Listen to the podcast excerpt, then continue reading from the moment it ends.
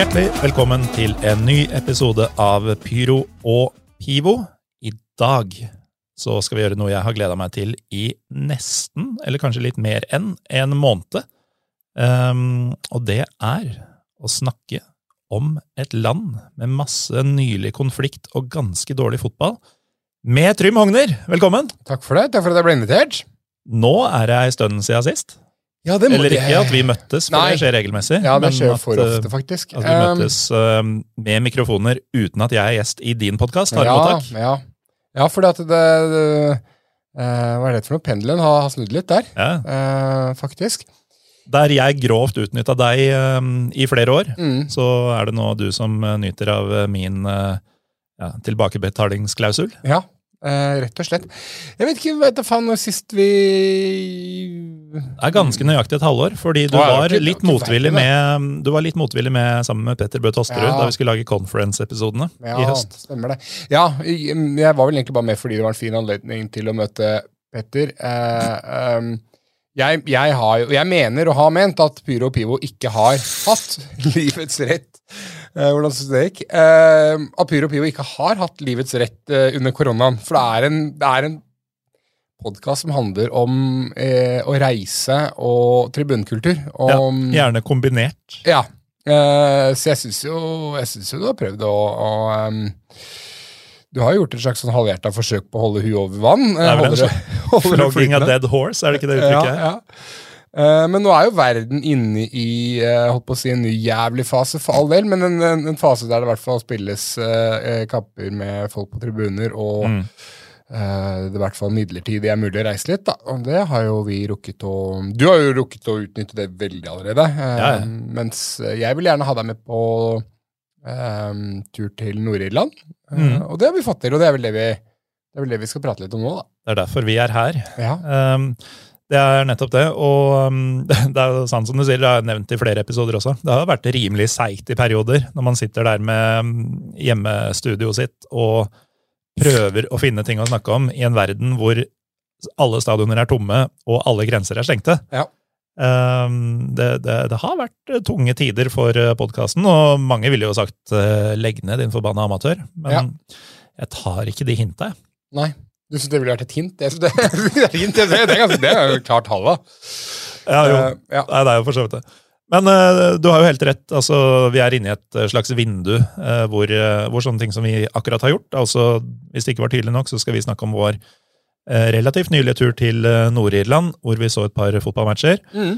Um, og det er jo mulig, eh, eller var jo mulig nå, fordi eh, covid endelig har sluppet litt uh, taket. Uh, Ja. Kanskje var den siste mutasjonen, den sørafrikanske mutasjonen, som folk kaller den, uh, akkurat det verden trengte. Fordi Mm. man endelig skjønte at um, nå, er ikke, nå er det greit at folk blir smitta. Ja. En av, nå må jeg bare få litt avbryte her. En av, en av favorittdelene mine i, i de maltrakterte Pyro Pivo-årene under korona, var Mm. da du prøvde å avslutte en episode du hadde med deg Skau og en til, og så skulle du liksom prøve å avslutte på litt sånn, litt sånn positiv greie. Om ja, ja, kanskje korona liksom slipper nå, liksom, kanskje det snart er mulig å reise litt igjen og sånt nå. Hvorpå de kontrer med at uh, disse andre landene som ikke har nok tilgang på vaksiner, vil ligge som inkubatorer, og bare liksom slo det helt ned det du sa, da. Eh, Og fikk jo veldig rett. Uh, gjorde jo det. mm.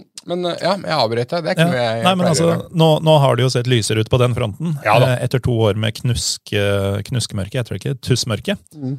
Eh, Knusktørt eh, tussmørke. Ja. uh, og så bare ja, krig på kontinentet. ja.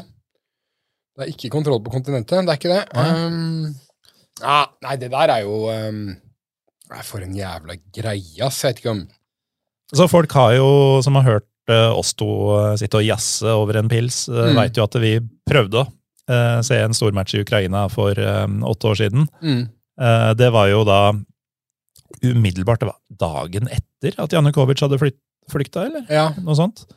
Og mens vi fløy inn til Kyiv Kyiv, Ja, som man nå sier. Ja, så drev ting og begynte å skje på Krim. Mm. Det er jo åtte år siden, for et par uker siden nå. Ehm, vi, vi, vi opplevde Ukraina som Det var litt merkelig Ja. den gang.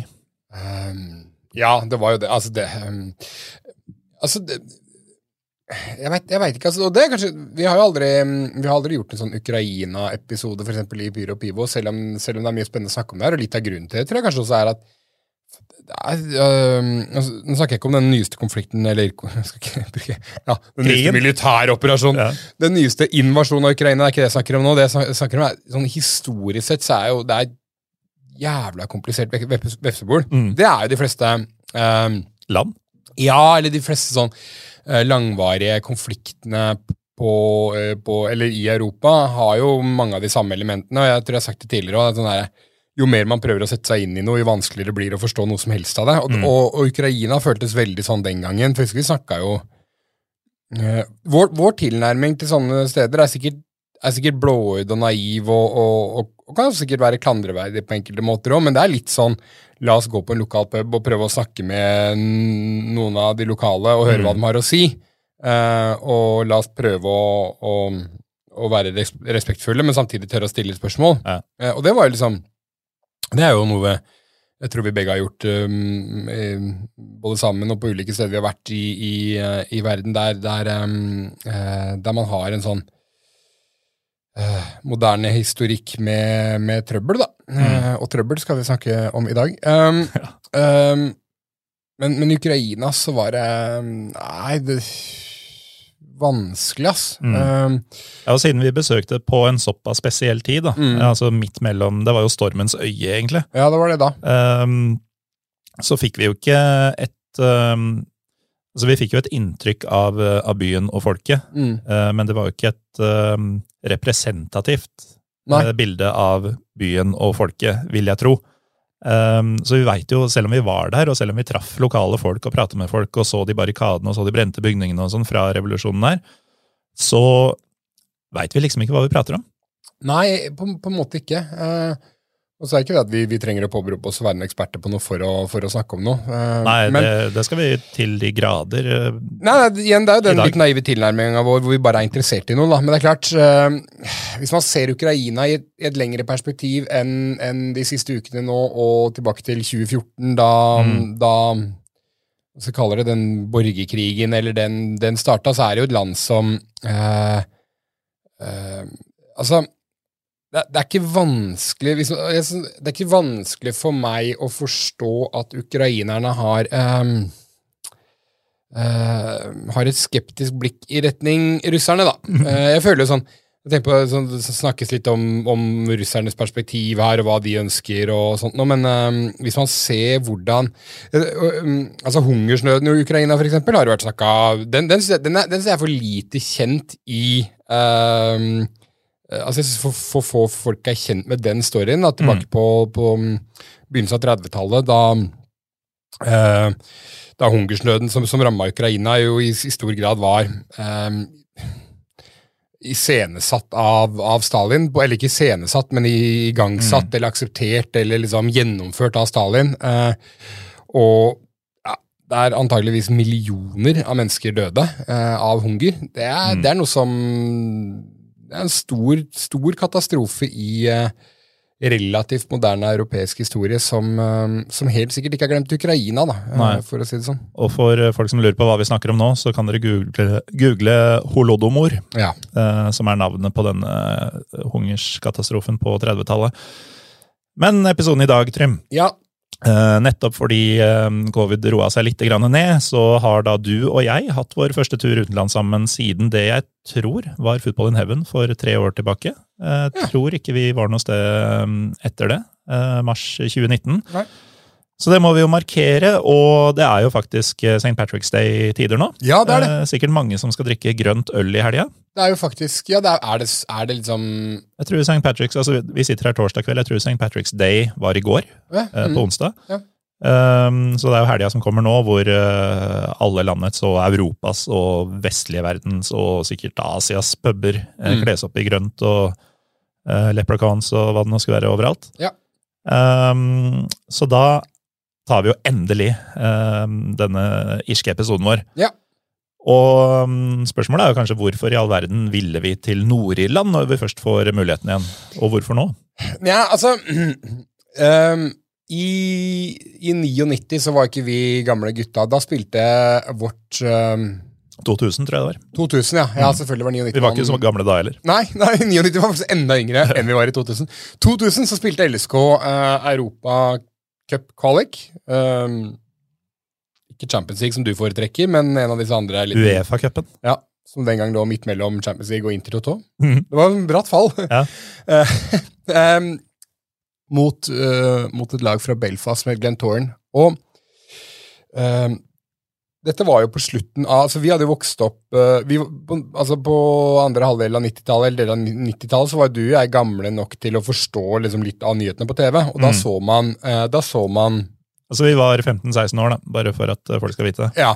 um, så da så man jo på TV IRA og bomber og liksom Mm. og, og på en måte ble litt sånn kjent med en konflikt som var relativt nære, da, sammenligna med andre konflikter.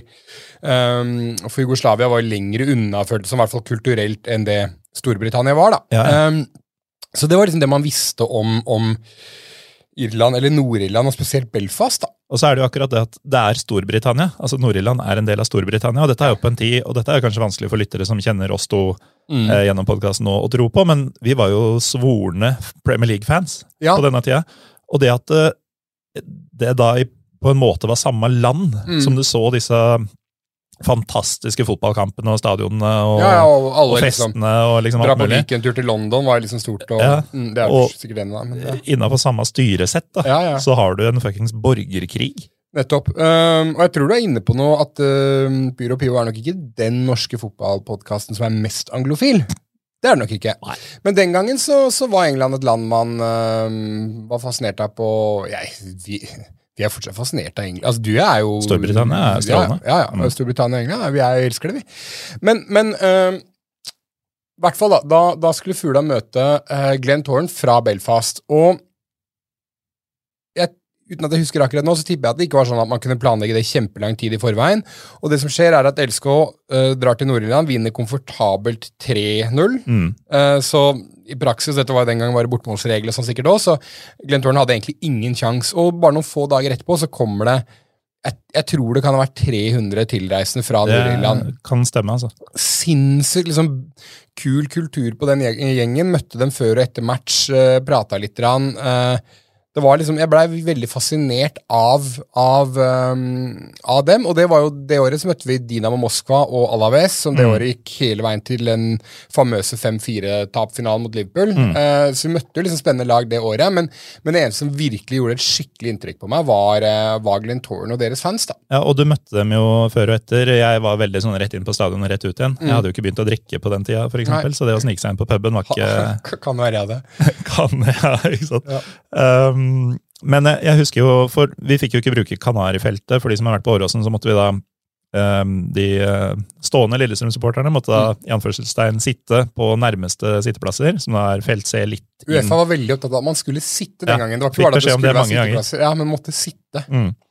Um, men i hvert fall måtte litt lenger inn mot midten enn der Kanarifansen vanligvis står. Og um, bortesupporterne fikk da ikke det som er bortefeltet til eliteserielaga og cupmotstanderne våre, men um, de fikk um, plassen helt til venstre, altså helt ut til hjørnet lengst vekk fra bortefeltet, på motsatt langside. Ja. Så vi kunne jo se dem. Ja. Um, og de 300, de sang høyt. De sang høyt. Og igjen, da, det å ta den turen fra Nord-Irland den gangen, og, og vi skal komme innom vi skal komme innom historien til Nord-Irland her, og, og dette her var jo da bare et år, eller, eller to-tre år da, etter at uh, To år etter at uh, Troubles offisielt Ja. uh, ble avslutta. Eh, Lang, langfredag-avtalen og det greiene Mm. der. Vi skal, litt, vi skal litt inn på det, for vi syns det er gøy å prate litt om historien til, til Nord-Irland også. Uh, men det var helt sikkert en, en tid der det ikke var veldig enkelt eh, for folk derfra å reise noe som helst sted. Um, jeg tror ikke den gangen at det var kjempeenkelt å bare stikke ned til Dublin, og du hadde ikke Ryanair og, og de greiene man har nå. Uh, så det var skikkelig commitment da, for den gjengen å komme til uh, jeg tipper Norge kanskje ikke var det mest spennende landet å reise til, og, Mm. og, og Vesle Lillestrøm var sikkert ikke sånn dritkult liksom, for dem. Um, men jeg ble fascinert av Glenn Torn. Mm. Og jeg skal på ingen måte påberope og liksom at jeg har fulgt den klubben siden, det har jeg ikke, men jeg da, den, den havna liksom på radaren min, og tenkte at dit hadde vært kult å, det kult å dratt dit en gang. Uh, spesielt fordi at da jeg ble kjent med, med klubben, så, så fant jeg ut at de har en, en ekstremt sånn ikonisk stadion som heter uh, The Oval. Um, Bare navnet er jo ikonisk. ja, uh, og, og, og navnet også vitner jo om noe som egentlig er litt uvanlig uh, på de britiske øyer, nemlig at den er på en måte ja, oval eller sirkulær i formen. da. Um, og har, har en gammel sånn hovedtribune som er liksom så erke eh, britisk eh, som man liksom får det, da, med Ja. liksom mursteinsbygd og, og, og bratt og Passer veldig bra til sånne bilder man har av engelsk toppdivisjon, altså First Division, som det, Ja. det het før Premier League, Mm. på 80-tallet. Ja. 70-tallet. Så, så, så jeg tenkte, jeg tenkte faen, dit, en dag så er jeg keen på å dra dit. Og så har jeg vært i Nord-Irland eh, Jeg har, har vært i Nord-Irland for noen år tilbake, men da var det ikke sesong, så da fikk jeg det ikke til. Og så er det sånn nå at uh, nordisk fotball er litt, uh, er litt inne i en litt sånn god steam, og det har kommet litt Mm. penger inn og, og, og sånne ting, og blitt litt, litt mer profesjonelt de siste årene. Og en av konsekvensene av det er at uh, Glenn Torn har fått en, en eh, rik eier som, som har planer om å, å bygge om stadion, eller bygge, gjøre den mye mer moderne. da. Eh, Mm. noe som er jævlig trist. Helt sikkert nødvendig, og jeg vet ikke hvor kontroversielt det er lokalt, men, men, men det gjorde at jeg tenkte at faen, nå kan det være at, uh, at denne stadion som jeg har som en av eh, ja, som virkelig er på min europeiske bucketlist, at, at, uh, at tida kanskje er i ferd med å renne litt ut. Så selv om det har gått ja, over 20 år da, siden jeg tenkte på det første gang, så, så, um, så føltes det som at den, det, det må jeg få til. Uh, så eh, var det slik at uh, da jeg satt og så litt på når er det de spiller derby, da, uh, som er mot, mot Linfield, i, i, i, eller største derby i Nord-Irland og i Belfast, Mm. så fant jeg ut at det, det går an å få til. Fly til, fly til Dublin og komme seg til Belfast. Um, og ikke minst så begynte vi å planlegge dette Eller jeg sa til deg at jeg kommer til å, den her hopper jeg på uansett, og så sa du at hm, kanskje, kanskje, kanskje jeg også får det til. Um, da var det sånn at um, da så det ut som at Boris Johnson og gutta krutt skulle begynne å løsne opp veldig på hvordan restriksjonene skulle være. Bitene falt litt på plass. Ja, uh, og så, har jo, så ble det jo omtrent samtidig at restriksjonene løsna her òg. Men, men det var da en mulighet til å reise et sted i Europa uh, og se en stadion man alltid hadde lyst til, samtidig som restriksjonene så ut til å være mildere enn ja, eh, at de hadde løsna opp før resten av Europa. da. Mm. Eh, så det var utgangspunktet. Det var eh, utgangspunktet, og um, altså, vi var jo 16 år da du blei fascinert av denne klubben og dette stadionet for første gang. Eh, nesten 40 skulle vi bli før vi tok turen, men eh, nå har vi gjort det. Og um, det er jo um, ikke helt tilfeldig sånn generelt heller, for eh, dette er jo en podkast som Du sier det handler om tribunekultur og reising, det gjør det jo. Mm. Eh, men det handler jo også om krig og faenskap og mørke. Og um, kanskje spesielt når du og jeg lager episoder, Mm. så er det mye kompliserte og det som kan se ut som unødvendige konflikter. Eh, og den irske, eller nordirske, den er jo intet unntak sånn sett. Um, du har også sagt at vi skal snakke litt nordirsk historie. Mm. Altså, vi, vi hadde jo en episode om Kosovo for to Ja. år siden, da Mm. forsvant og covid eh, tok Mm. til. Um, det var vel den første Pyro Pio-episoden, tror jeg, med, som ble spilt inn hjemmefra. Ah. Um, da satt vi i hvert vårt hjem, og du, ikke, du hadde ikke webkamera. Oh, Så jeg så deg ikke. Det var kjempeskummelt. Ja. Uh, men den gang så begynte vi jo historien om eh, 20 2000-tallets Webkamera føles som de fleste har nå. Gjør jo det. Ja. Um, men for å snakke om 2000-tallets, for ikke å si 2020-tallets fotball i Kosovo, så måtte vi jo begynne på 1300-tallet. Mm. Så jeg er jo litt spent på hvor vi skal starte når vi snakker Nord-Irland, uh, Trym. Jeg tror, tror vi skal en 800 år tilbake, altså. For det, det er vel sånn 1169, 1168 eller et eller annet. Dette virker nødvendig. Ja, uh, nei, men Ja, men det er jo på en måte ikke Det er, på, det er på en måte ikke det, da. Men jeg syns, jeg syns alltid det er spennende når man reiser et sted. øh, og vi ønsker å ta med lytterne på en visuell reise her, Ja. eh, Morten Gardaasen. Um, så syns jeg det er litt spennende. Hva, hva er liksom historikken? Og du nevner det med liksom konfliktfylte områder og sånt. Og det er ikke bare en sånn eh, eh, morbid fascinasjon for områder der det har vært mye kødd. Det er faktisk også en ektefølt opplevelse av at land som har en mer trøblete historikk ofte, det er min erfaring, da, um, ofte har mer gjestfrie, eh, mer gjestfri lokalbefolkning. Ja. Det er enklere å komme innpå noen i, i Serbia, i Nord-Irland, um, uh, ja, enn det er i, i, i, Sverige og Norge, da, på en måte. Ja, og jeg tror um, kanskje spesielt med Serbia, da, som Mm. har et litt frynsete rykte rundt omkring i verden etter eh, 90-tallet. Ja. Sikkert før det også, for den saks skyld. Ja, og sikkert igjen nå, med tanke på Ja. hvem, de, hvem de heier på. Ja, men jeg, jeg, jeg har liksom inntrykk av at um, ja, folk fra den type land du skisserer, og da Mm. spesielt Serbia, kanskje setter ekstra pris Mm. på at noen faktisk ser gjennom det ryktet, da, og Ja. kommer for å se sjøl, og oppleve sjøl. Og da er de kanskje også enda mer bevisst på at nå skal vi faen meg vise dem Ja. at uh, vi er ikke sånn som folk tror. Ja, og det, det, det kan godt være det er noe i det. Og, og, og, og Irland, da. For det er jo nå, nå Vi snakker om Nord-Irland, men, men poenget er at Irland er jo én øy. Eh, for de som ikke husker helt kartet, liksom mm, har det helt i hodet nå, så er jo det da en øy mm, rett utafor da det som blir ja, Skottland, England, Wales. ikke sant? Um, og øya Irland ble invadert i jeg tror det var 1169. Jeg, jeg lurer på om jeg har lest 1168. og Jeg lurer på hvordan i helvete egentlig liksom, Hvem er det som er uenig om sånne ting? Eh, og hvordan pinpointer det. Samme det. Den gangen så var det da anglo-normaniske styrke som, som, som var ledet av kong Henry 2. Eh, og, og, og det, da, det var da liksom utgangspunktet for 800 år med, med, ja, med litt rør, da. Og så Greia er at irene følte seg aldri som en del av, av Storbritannia. Har jo liksom aldri hatt noe ønske om å være i union med eller under britisk eller engelsk styre. da. De, Utgangspunktet der har vært at de alltid ønsker seg selvstendighet. Og så i Norge så føler jeg at vi, og, og, og kanskje egentlig også, kanskje ikke bare Norge, da, men, men, men at man veldig ofte har eh, også tenker sånn Celtic og Rangers og sånn, at man veldig ofte har øh, segmentert det til en sånn veldig sånn øh, Det handler om katolikker mot protestanter. Og det tror jeg egentlig er en foren for forenkling. For det man må huske på, er at på den tida her sånn, så var jo alle katolikker. ikke sant? Så Ja. starta jo ikke som en religiøs greie. Det var jo først da engelskmennene har skifta til å bli protestantiske på 1500-tallet, at du egentlig fikk et religiøst skille mellom disse her sånn. Ja, det, det er helt riktig, og, og også altså Celtic Rangers én ting, um, men også hele den The Trouble som vi skal inn på, da, um, som er den siste store konflikten i Nord-Irland.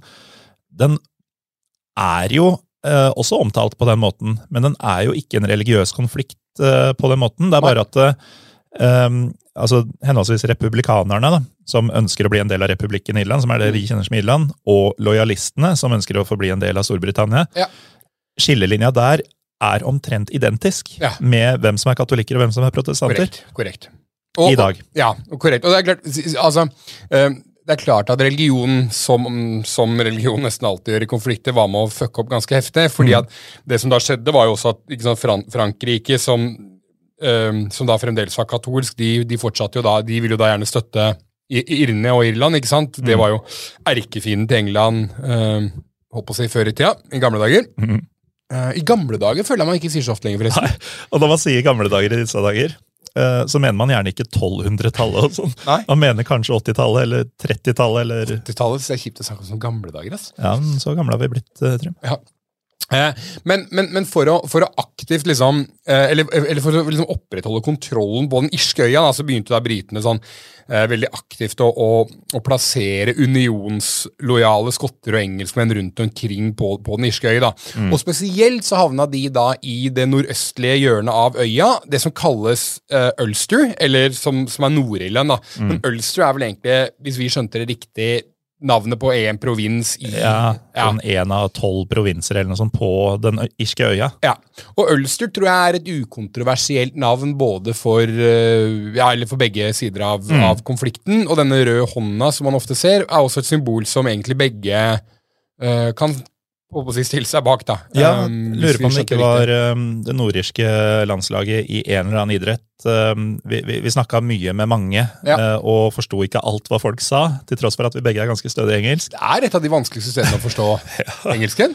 Eh, men det var en eller annen idrett hvor det nordirske landslaget visstnok hadde den røde hånda på drakta, tror jeg. Ja. Og hadde både katolikker og protestanter som spilte for seg. Ja. Hvis jeg forsto det riktig. Ja, altså, Rugbylandslaget landslaget, er jo, er jo felles for Nord-Irland og Irland, faktisk. Ja, Og da heter de Irland. Ja. Og er, ja. Ja, og jeg tror ikke det er uvanlig at protestanter som er lojalister og ønsker å være en del av Storbritannia, også kaller seg irer. Mm.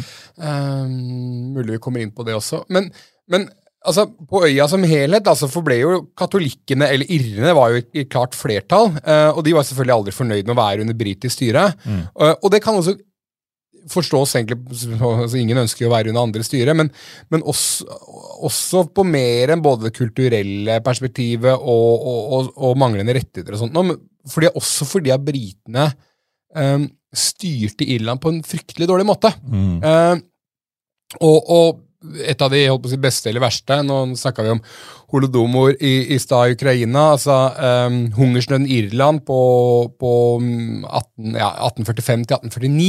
Mm. Um, det, uh, det gjorde jo at en befolkning på altså av en befolkning på om lag åtte millioner mennesker da, så døde, så er det estimert at rundt en million døde da potetavlingen gikk til helvete. Um, og det førte også til en omfattende utvandring fra Irland, uh, som gjorde at befolkninga da til slutt ble, gikk fra å være åtte til typ fire millioner.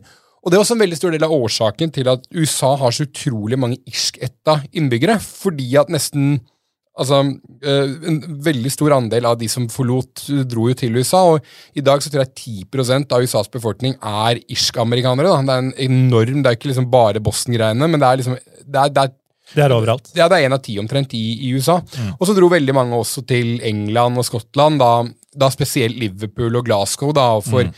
uh, I den grad du har uh, lyttere som holder med Liverpool, så, så vet man at det er litt sånn irsk connection der. Og så jeg tror da vi var i Belfast at vi så Liverpool liksom megastore ganske sentralt ja. i byen og sånt noe. Um, mange irrer som, som, dro til de byene også. Mm. Uh, og men grunnen til at britene måtte ta på en måte ansvar, eller hovedansvaret for de, for de, ekstreme konsekvensene av den hungersnøden, er fordi at landbruket var organisert på en sånn måte, eller eid på en sånn måte, at det mest, meste av det lå, altså tilhørte såkalte uh, lords da, fra, fra sånn type England eller Skottland, mm. som, som, typisk var sånn bosatt i London. ikke sant? Og da leide de ut landområder til fattige irske bønder for å drive jordbruk. Og for å betale leia for det, så, så måtte de da produsere mye kjøtt og meieriprodukter som blei eksportert til England. Og selv om potet, eh, potetene gikk åt skogen, så, så fortsatte man å, å, å, stille krav om at alle disse produktene skulle eksporteres til, eh, til England. Da. Så mens da fattige irrer sulta i hjel, så, så, eksporterte man øh, mat til øh, til, eh, til, Storbritannia eller til, til England. Da. Eh, Skjønner jo at irene blir litt mugne. Ja, eh, og, og, og, til dags dato så er det der er jo en sånn sentral greie i irenes hat, egentlig, mot engelskmennene. Mm. Eh, og den gangen så, så, så leda det til et økt krav om irsk selvstendighet fra, fra ulike politiske og nasjonale bevegelser.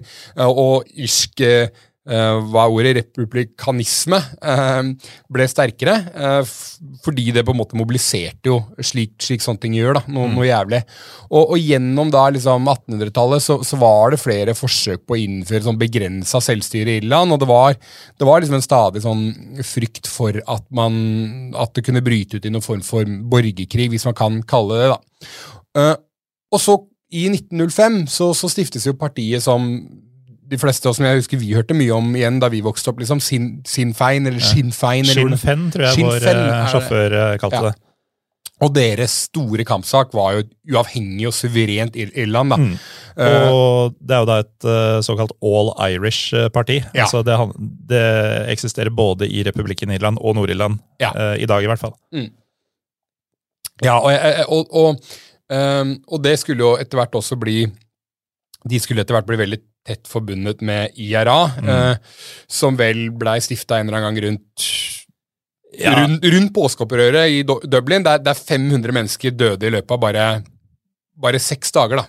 Ja, det er, um, det er, litt sånn glidende overgang her. Uh, påskeopprøret som begynte i, uh, i 1916. Mm. Um, og så er det liksom forskjellige kilder, men at det har skjedd mellom 1916 og 1919. da, At mm. man, man, fikk det som da ble IRA. Um, de har jo enda lengre røtter enn det, da. Uh, faktisk tilbake til uh, et opprør i 1796. Ja. Um, og da var det Altså, dette er en forløper til IRA uten formelle, en formell lenke til IRA, som het IRB. Oh, ja. og, og, og, det var jo eh, altså Du sa 1796. Det var jo sist gang, Slutten av 1700-tallet var jo sist gang du hadde hatt væpna opprør, forsøk på revolusjon fra irene. da. Så mm. det hadde jo gått det hadde gått over 100 år, da. Ja. Eh, IRB sto da for Irish Republican Brotherhood, eh, og de var leda, Trym, av um, en mann som het Wolf Tone. Mm. Eller Theobald Wolf Tone. Ja, det er bra navn. Ringer det en bjelle? Ja, ja, det, det Vi, vi hørte jo litt på musikk det, det, på turen.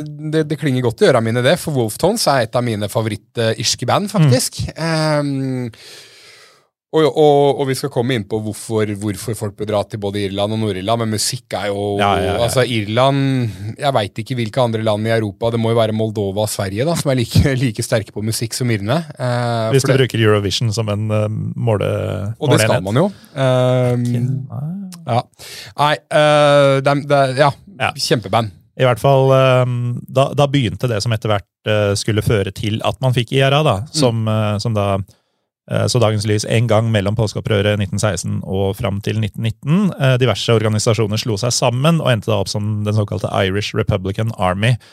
Um, og IRA de erklærte rett og slett krig mot eh, Storbritannia i 1919. Ja.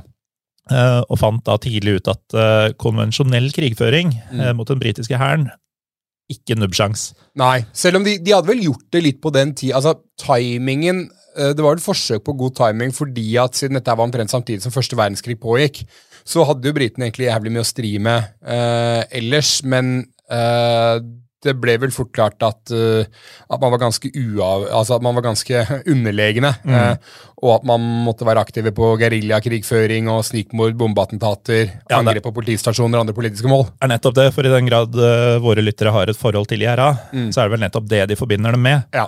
Um, og man forbinder kanskje da IRA med spesielt The Troubles, de 30 åra med krig og attentater og sånn, men dette begynte allerede da på slutten av 10-tallet og begynnelsen av 20-tallet for 100 år siden. Ja.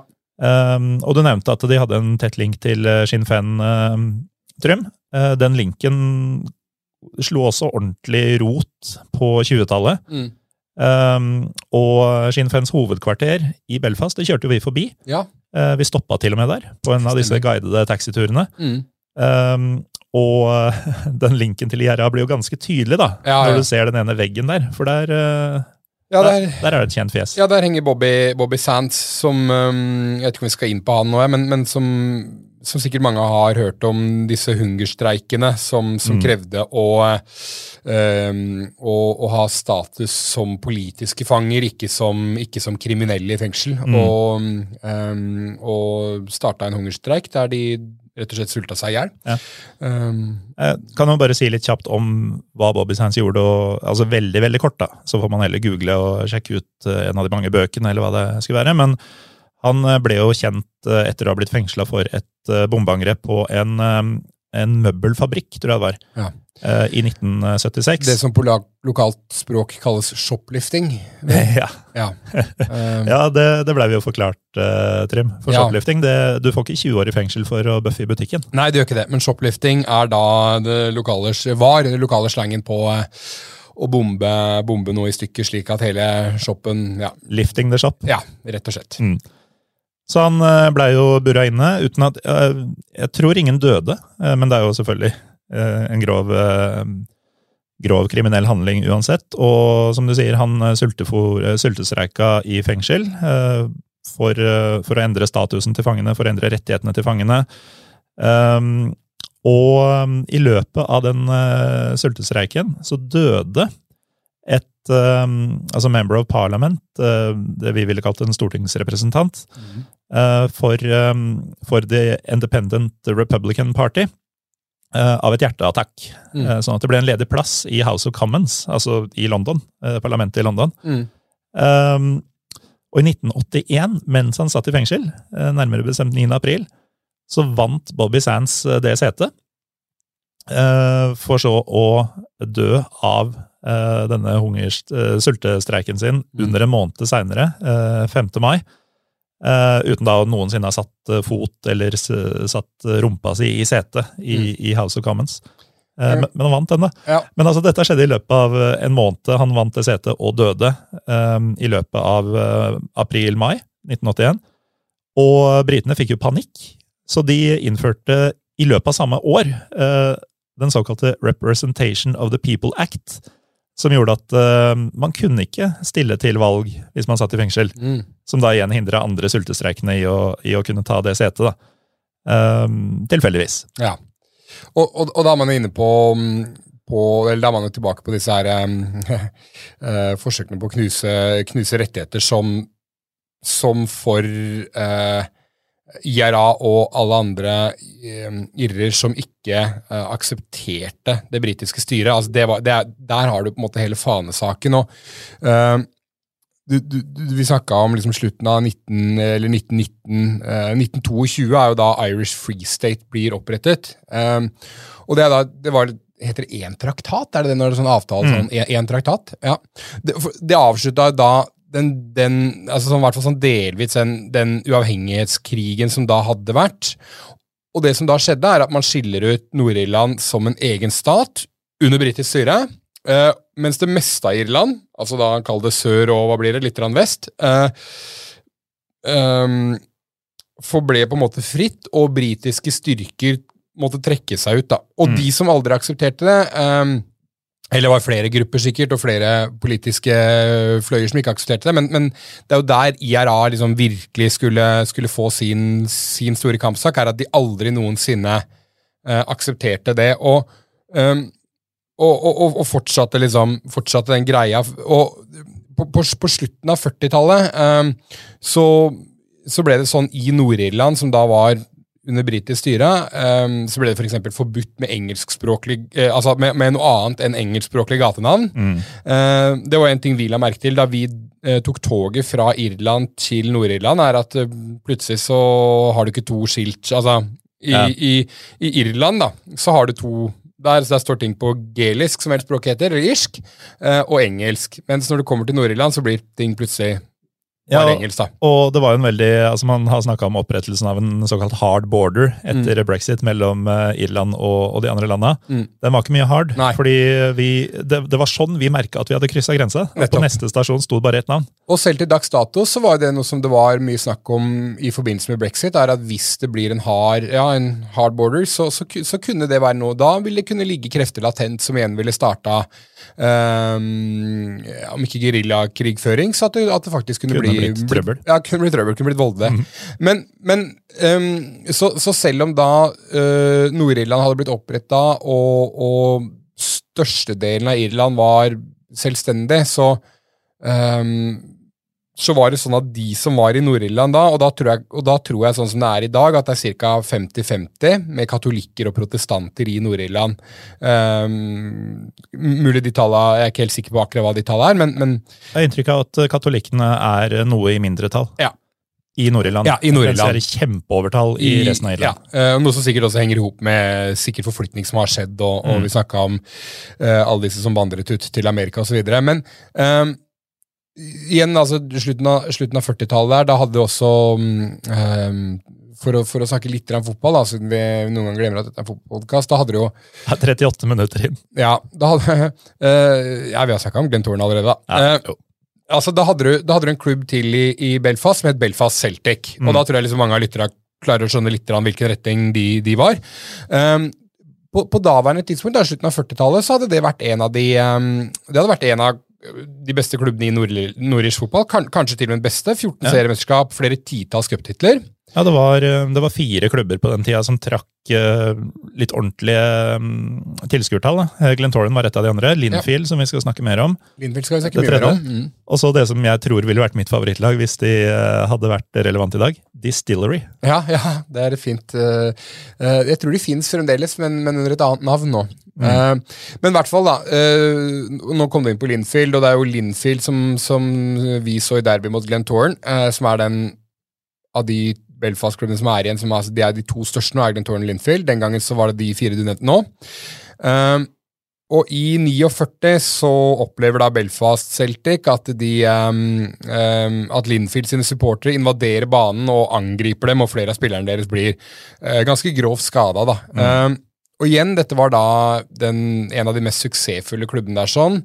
Etter det så, så forsvant Belfast Celtic fra nordirsk fotball. De dro på en uh, turné til USA, uh, der de ble tatt imot selvfølgelig i New York som, som type martyrer ikke sant, av irske-amerikanerne. Mm. Um, og etter en liten turné så forsvant de liksom ut i intet. da, Men, men det det her forteller, er jo at på, på, på slutten av 40-tallet der, og, og, og, og, sikkert egentlig fram til The Troubles begynte, så er det nok sånn at veldig mange av katolikkene, irrene i Nord-Irland, følte at, at, deres kultur um, ble veldig, veldig uh, hva skal man si, undergravd eller lagt lokk på. da. Um, så, så, det er ikke noe tvil om at selv om man hadde fått Irish Free State, så var ikke Nord-Irland i seg selv en, en løsning som, um, som, var god nok for alle. da. Uh, og jeg er inne der med å si liksom at at, at, det religiøse aspektet kanskje er en forenkla merkelapp på, på konflikten. Og, og, når man begynner å nærme seg troubles, da, som du var ja. inne på i IRA, så, så handla det nok på en måte vel så mye om de sivile sine borgerrettigheter. Altså mm. katolikkene da, sine borgerrettigheter i, i Nord-Irland. Eh, og, og, The Troubles det er den perioden som starta 68-69, litt avhengig av hvordan man ser på det, eh, og varte da fram til, ja, nesten fram til Elsker ja. møtte Glentoren. 98 cirka. Ja, og det er den mest intense perioden med indre konflikt i Nord-Irland. Eh, igjen altså starter med liksom, framveksten av borgerrettsbevegelser og sånne ting, og, og eh, responsen da, da, var det da var, eh, da var, det kaos i, i, i Nord-Irland, og, og, spesielt to byer, altså Belfast og Derry, Derry eller London Derry, litt avhengig av om det sier holdt på å si Kiev eller Kyiv. Um, ja, det er, det er samme Ja. Um, um, så, så Storbritannias altså ta et holdt på å si, en, en, en, fæl story fra, som vi hørte da vi var på The Troubles Tour, som vi sikkert skal anbefale etterpå. Um, det er jo da um, i, i 69, hvor ni år gamle Patrick Rooney blir, blir drept av en kule uh, som blir skutt fra politiet inn liksom for å, for å få orden på en eller annen demonstrasjon eller sånn, og i nabolaget Belfast. da. Mm. Uh, så, og det gjorde at um, Og det, den demonstrasjonen er da i West Belfast, ja. som er den uh, katolske bydelen. Ja, og da, og da setter britene inn militæret sånn i utgangspunktet for å, for å, prøve å få litt kontroll på ting, men ganske fort så blir jo de uh, vel så mye forhatt som, som eh, politiet og kall det britene for øvrig. Og, og, og, på tidlig 70-tallet så, så, begynner altså da begynner volden å virkelig eskalere, og, og, topper seg kanskje i 72, da, som det nå er kalt 50-årsjubileum på, Bloody Sunday, som eh, vel er noe de, de, fleste har hørt om, og mm. U2-låt og i det hele tatt. Cover av Ignite, ikke minst. Ikke minst. Veldig viktig presisering der, Gardasen. Har jeg aldri hørt om, men de er sikkert han eller de eller hun de. er flinke. ja. Um, Bloody Sunday, da også omtalt som Bogside-massakren, skjedde 30.1.1972 i Derry, eller London Derry. Mm. Um, Skal vi bare ta hvem som mener hva om det navnet? Jeg tenker at London-delen av det kanskje Er ganske selvforklarende? Ja, ja. ja. Uh, Lojalistene, da. Uh, for dem er det London Derry. Ja. Det er det ikke for uh, katolikkene. Eller republikanerne. republikanerne. Det som skjedde um, på Bloody Sunday, det var at 13 katolske demonstranter um, ble skutt og drept av disse britiske soldatene som var satt inn for å holde kontroll. Mm. Uh, og det, det, skjer i forbindelse med det som i utgangspunktet var en fredelig demonstrasjonsmarsj. Da. Og uh, rapporter i ettertid um, konkluderte med at det var ingen advarsel som ble gitt før disse ble skutt. Um, og det var åpenbart at flere av de som ble skutt og drept, ble skutt mens de var på flukt, fordi at ja. um, de var skutt i ryggen. Mm. Uh, og uh, det konkluderte også med at ingen av ofrene kunne egentlig anses som noe trussel mot disse soldatene. Og man, man konkluderte også med at flere av soldatene hadde løyet om, om sine handlinger og sin involvering. da. Mm. Og likevel så var det ingen, ansvarlig, ingen som ble ansvarliggjort eller straffeforfulgt um, i etterkant av det. Da. Det er klart at det um, Um, det sier seg selv at den type ting um, uh, skaper furore i en befolkning. og igjen, Dette skjedde 30.1.72. Um, så, så 72 tror jeg var uh, Nå er ikke liksom, dødstallene her, men det, det, tror jeg var det aller uh, tøffeste året i, uh, i under the troubles i, i Nord-Irland. og du, altså Vi var inne på dette med geriljakrigføring. IRA begynte jo å bruke ganske sånne um, kreative virkemidler for å um, for å ta eh, soldatene. Ja, og, og det er jo, altså hvis vi hopper et par år tilbake i tid der, eh, så blir jo IRA ganske umulig å forholde seg til. altså For, for britene og sånn, selvfølgelig, men også for oss som skal fortelle om dette. her. Ja, ja. Fordi det, det blei jo altså De var ikke helt enige internt, for å si det sånn. Siste- uh, I 1969 så splittes de da i to.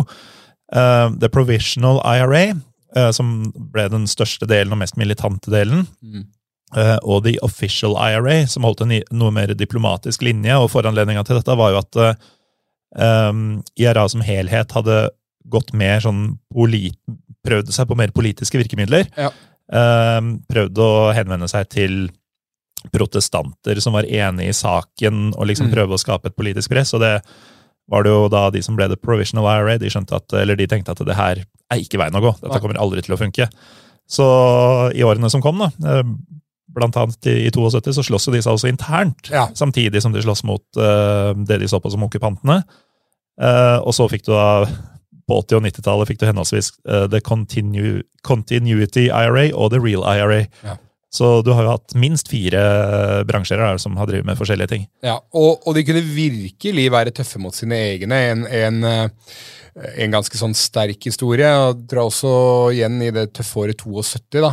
Um, Jean McCon, eh, McConville, tibarnsmor, enke, um, som bor i uh, bor i, i, i Belfast. Um, katolsk. Uh, mannen hennes som var død, hadde vært protestant. De bodde i et katolsk nabolag.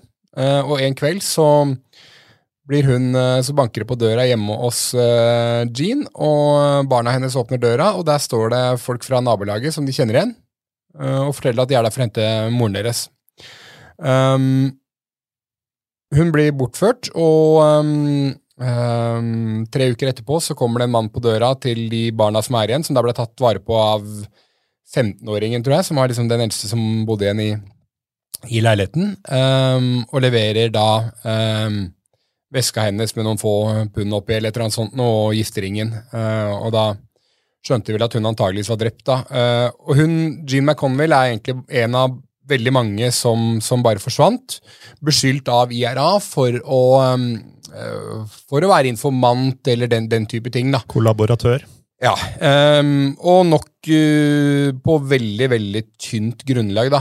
Um, IRA hadde tøffe måter å jobbe på, uh, uavhengig av hvem av disse IRA-ene man, man snakker om. De hadde mye støtte fra irene i USA, som kunne Mm. hjelpe med både våpen og midler og annet. Og de hadde den fordelen at de kunne reise sør for grensa, og dermed være veldig, altså, veldig enkelt komme seg, hva man kaller det på militærspråk, altså off-grid, ikke sant? Mm.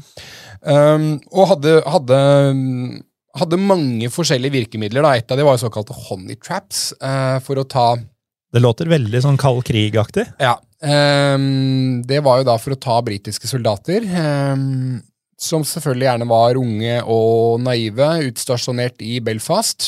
Um, Ungre, unge, unge, vakre irske piker. Um, og de vet vi at eksisterer, Morten. Vi har sett det. Eh, det gjorde de på 70-tallet også. Kunne da komme, eh, lure med seg soldater fra, fra Skottland og England.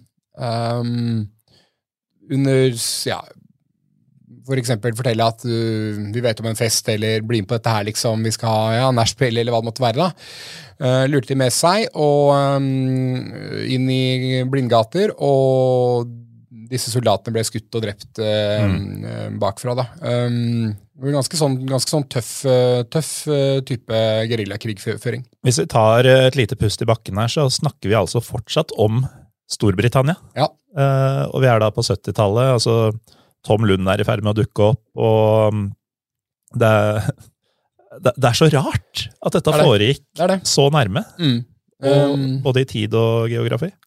og, og, og Belfast, da, hvor, som er utgangspunktet for det vi prater mest om i dag, altså, eller, og, og vår tur, da, det er ikke store byen. Altså, det føles som et eller annet sted mellom Trondheim og Bergen i størrelse. Um, det, er, det, er, det er en by som uh, har vært gjennom mye, og, og fremdeles bærer preg av ikke bare borgerkrigen, men også mye desperasjon, med tanke på at det var en av de største byene, kanskje ikke bare i Europa, men kanskje i verden, med tanke på på havn, havner og eller docks, Mm. liksom, med produksjon, produksjon av enorme skip og den type ting. Eh, Titanic var vel, var vel bygget der, uten at det kanskje var det de var, var mest stolt av. Eh, Mm. eh, selv om Shoddy craftsmanship. Ja, ja. Um, kanskje ikke, ja, kanskje ikke flaggskipet. Eh, men men ehm, så på et eller annet tidspunkt så jobba det 40 000 mennesker i den uh, Kall det den industrien eller de bransjene i, i Bel Belfast, og i dag så er det sånn snakk om noen hundre liksom igjen i den type bransjer. Ja. Så det er en by som um, um, ja, har hatt det tøft på flere måter enn en, en, en, enn- enn bare konflikten. Da. Og det er klart at også sånn med tanke på økonomi og, og business, er det klart at når alle de som er katolske, eh, um, boikotter alt som eies av um, protestanter, og, og vice versa, eh, så, så, skaper det jo, så skaper det jo veldig dårlige kår for, um, for utvikling og business generelt sett. da. Ja, og så var det jo også en, en av de første tingene som ble sagt på den der eh, Troubles taxi-turen vår. Mm.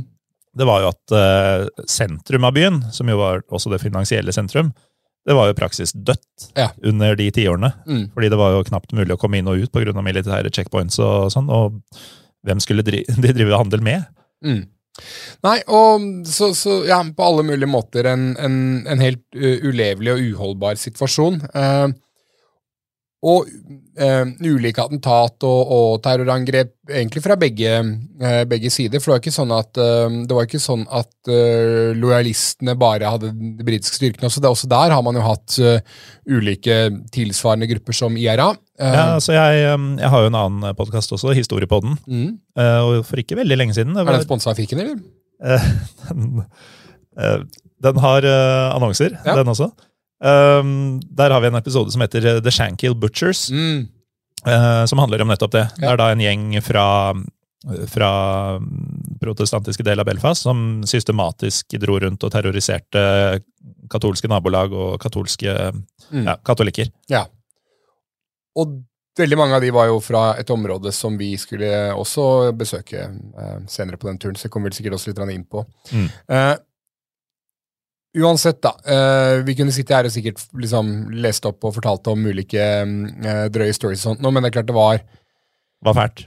ja, det, det var veldig ugreit. Um, 97-98 så får man til, til denne langfredagsavtalen som, som uh, Good Friday Agreement, um, uh, som vel innebar at IRA skulle levere inn sine våpen, og at Nord-Irlands konstitusjonelle framtid skulle avgjøres av flertallet av innbyggerne i Nord-Irland. Mm. Um, og siden så har det vært um, relativt, relativt rolig um, med, tanke på, med tanke på vold. Ja, relativt rolig, og jeg tenker at det er på tide å stifte bekjentskap med en av våre nye venner, eh, Trym. Um, vi skal komme mer inn på han seinere på turen, men vi traff jo på Gary Hamilton, Ja. Eh, manager for um, et eh, lag vi eh, knapt hadde hørt om før, Glenn Avon. tidligere Raufoss-spiller, tidligere nordirsk landslagsspiller. Eh, fordi en ting vi ikke har nevnt nå, er at eh, selv etter den Good Friday Agreement og ting har blitt roligere, så er det jo fortsatt ganske stor splid i befolkninga. Definitivt. Skolene er fortsatt i stor grad eh, segregerte. Nesten utelukkende. Um, og neste uke så kommer en Parla Inglese hvor jeg og Gary Hamilton snakker om litt forskjellig. Uh, blant annet så spør jeg jo om um, hvordan han ser, uh, ser framtida, da. Og han sier nettopp det, at det er en del segregering fortsatt, men ikke på alle arenaer, og at ting er i ferd med å bli bedre. Vi kan jo, kan jo hilse på han. thankfully, you know, through sport, the, the, the generations mix a lot more now than what we would have done back in our day, you know, and, you know, it's great to see that, that, that through sport that, that, a Catholic um, young child and a, and a Protestant young child can, can be best friends, you know, because a lot of it over here at schools, it starts at school. They usually go to usually a Catholic school or a Protestant school. So um, they usually um, end up just having one um, side of the religion that they knock about with, they go to school with, they they're friendly with. But thankfully, due to sport and football, then at night times they maybe go and mix um, with a with a Protestant kid if they're Catholic or or vice versa, you know. And it's something that I've always been very, very, very thankful for, you know, because you know a lot of my best friends growing up through football have been Catholics, you know, and, and I grew up in that in that um, situation, and it's down to my love of football and down to playing football. And and as I say, there's there's no difference in anybody. You know, we're all the same. And you know, I think if if if, if there was more and more people um, the same as most most football people, um, the, the, the country would be even better again. It's it's it's improved a, a hell of a lot over the last few years, but certainly um, we we can still improve even more, and and and and hopefully in the next 15, 20, 30 years, we, we see another massive improvement. Um, and and hopefully there, there, there's, there won't be the talk of, of the religion that there, there, there usually is. Positive ord fra vår um, nye drekkavenn ja, Gary Hamilton, uh, Trym. Fin fyr. Ja, veldig. Um, igjen, altså, vi snakka om det i stad, dette med um, gjestfrihet. Um, han var gjestfri. Ja, men så voldsomt, og det syns jeg egentlig alle vi møtte var. da. Det er, det er ikke, jeg, altså, det er liksom en av de turene jeg har vært på noensinne hvor jeg har, jeg har møtt eh, aller mest gjestfrihet. Og jeg har vært i mange land der, det, der, det har, der jeg har vært godt, godt vant og bortskjemt. da. Mm. Um, så ikke til forkleinelse for noen av dem, uh, men utrolig mye kule folk. Og det er jo liksom Det er jo en det er en stemning vi kan like å ta del i. da. Ja. Litt sånn arbeiderklasse og noen øl og uh, fotballpreik og litt livemusikk. Det er, liksom, det, er, det, er, det er god stemning, da. Det er god stemning. Det er det. Uh, vi har jo nå kommet gjennom uh, det meste av det vonde, i hvert fall. Uh. Det kommer litt vonde tider for meg senere i episoden. Men Det blir litt trøbbel for Gardaasen òg, ja. ja. ja. Jeg skulle kjenne på noen troubles i Lurgan litt seinere. Men vi, vi kom jo fram til Belfast by, da. som du nevnte, vi fløy til Dublin, tok, tok, oss til Belfast. Det gjorde vi da ved tog. Mm. enkelt og greit. Halvannen time. Ja, nesten to, kanskje, men, men ja, mulig. Men, men, og, og, det er måten å komme seg til Nord-Irland på. De aller fleste enten kjenner noen som har vært i Dublin eller vært i Dublin sjøl, men det er veldig veldig enkelt å gjøre det på den måten vi mm. gjorde. Dra til Dublin, og så ta toget til Belfast. Hvis man tenker at Dublin er mer spennende enn Belfast, som sikkert de fleste tenker, ja. så går det an å gjøre det til en dagstur, eller sånt, for det går, går flere tog hele tiden. Da. Så ja. kjempereisetips, og da får du kryssa to land på, på lista også. Så det er, det er, veien å gå. Ja. Og det, det, er jo sånn vi er glad i. Ta et bonusland på en dagstur eller en ja, overnatting. eller noe sånt. For i turen vår så hadde vi jo tatt en kveld først i, uh, i uh, Dublin. Det gjorde vi. Uh, en kveld som egentlig kunne vært tre kvelder. Vi, vi fylte den til randen med spetakkel. Ja, vi gjorde det, men, men, det var ikke fotballsesong. fordi at merkelig nok så er det sånn at sesongen i Irland den går likt som den holdt på å si norske og svenske og sånt nå. Vår til høst, eller hva man skal kalle det. Mens Nord-Irland følger da det som ja, de fleste resten av Europa gjør. da. Mm.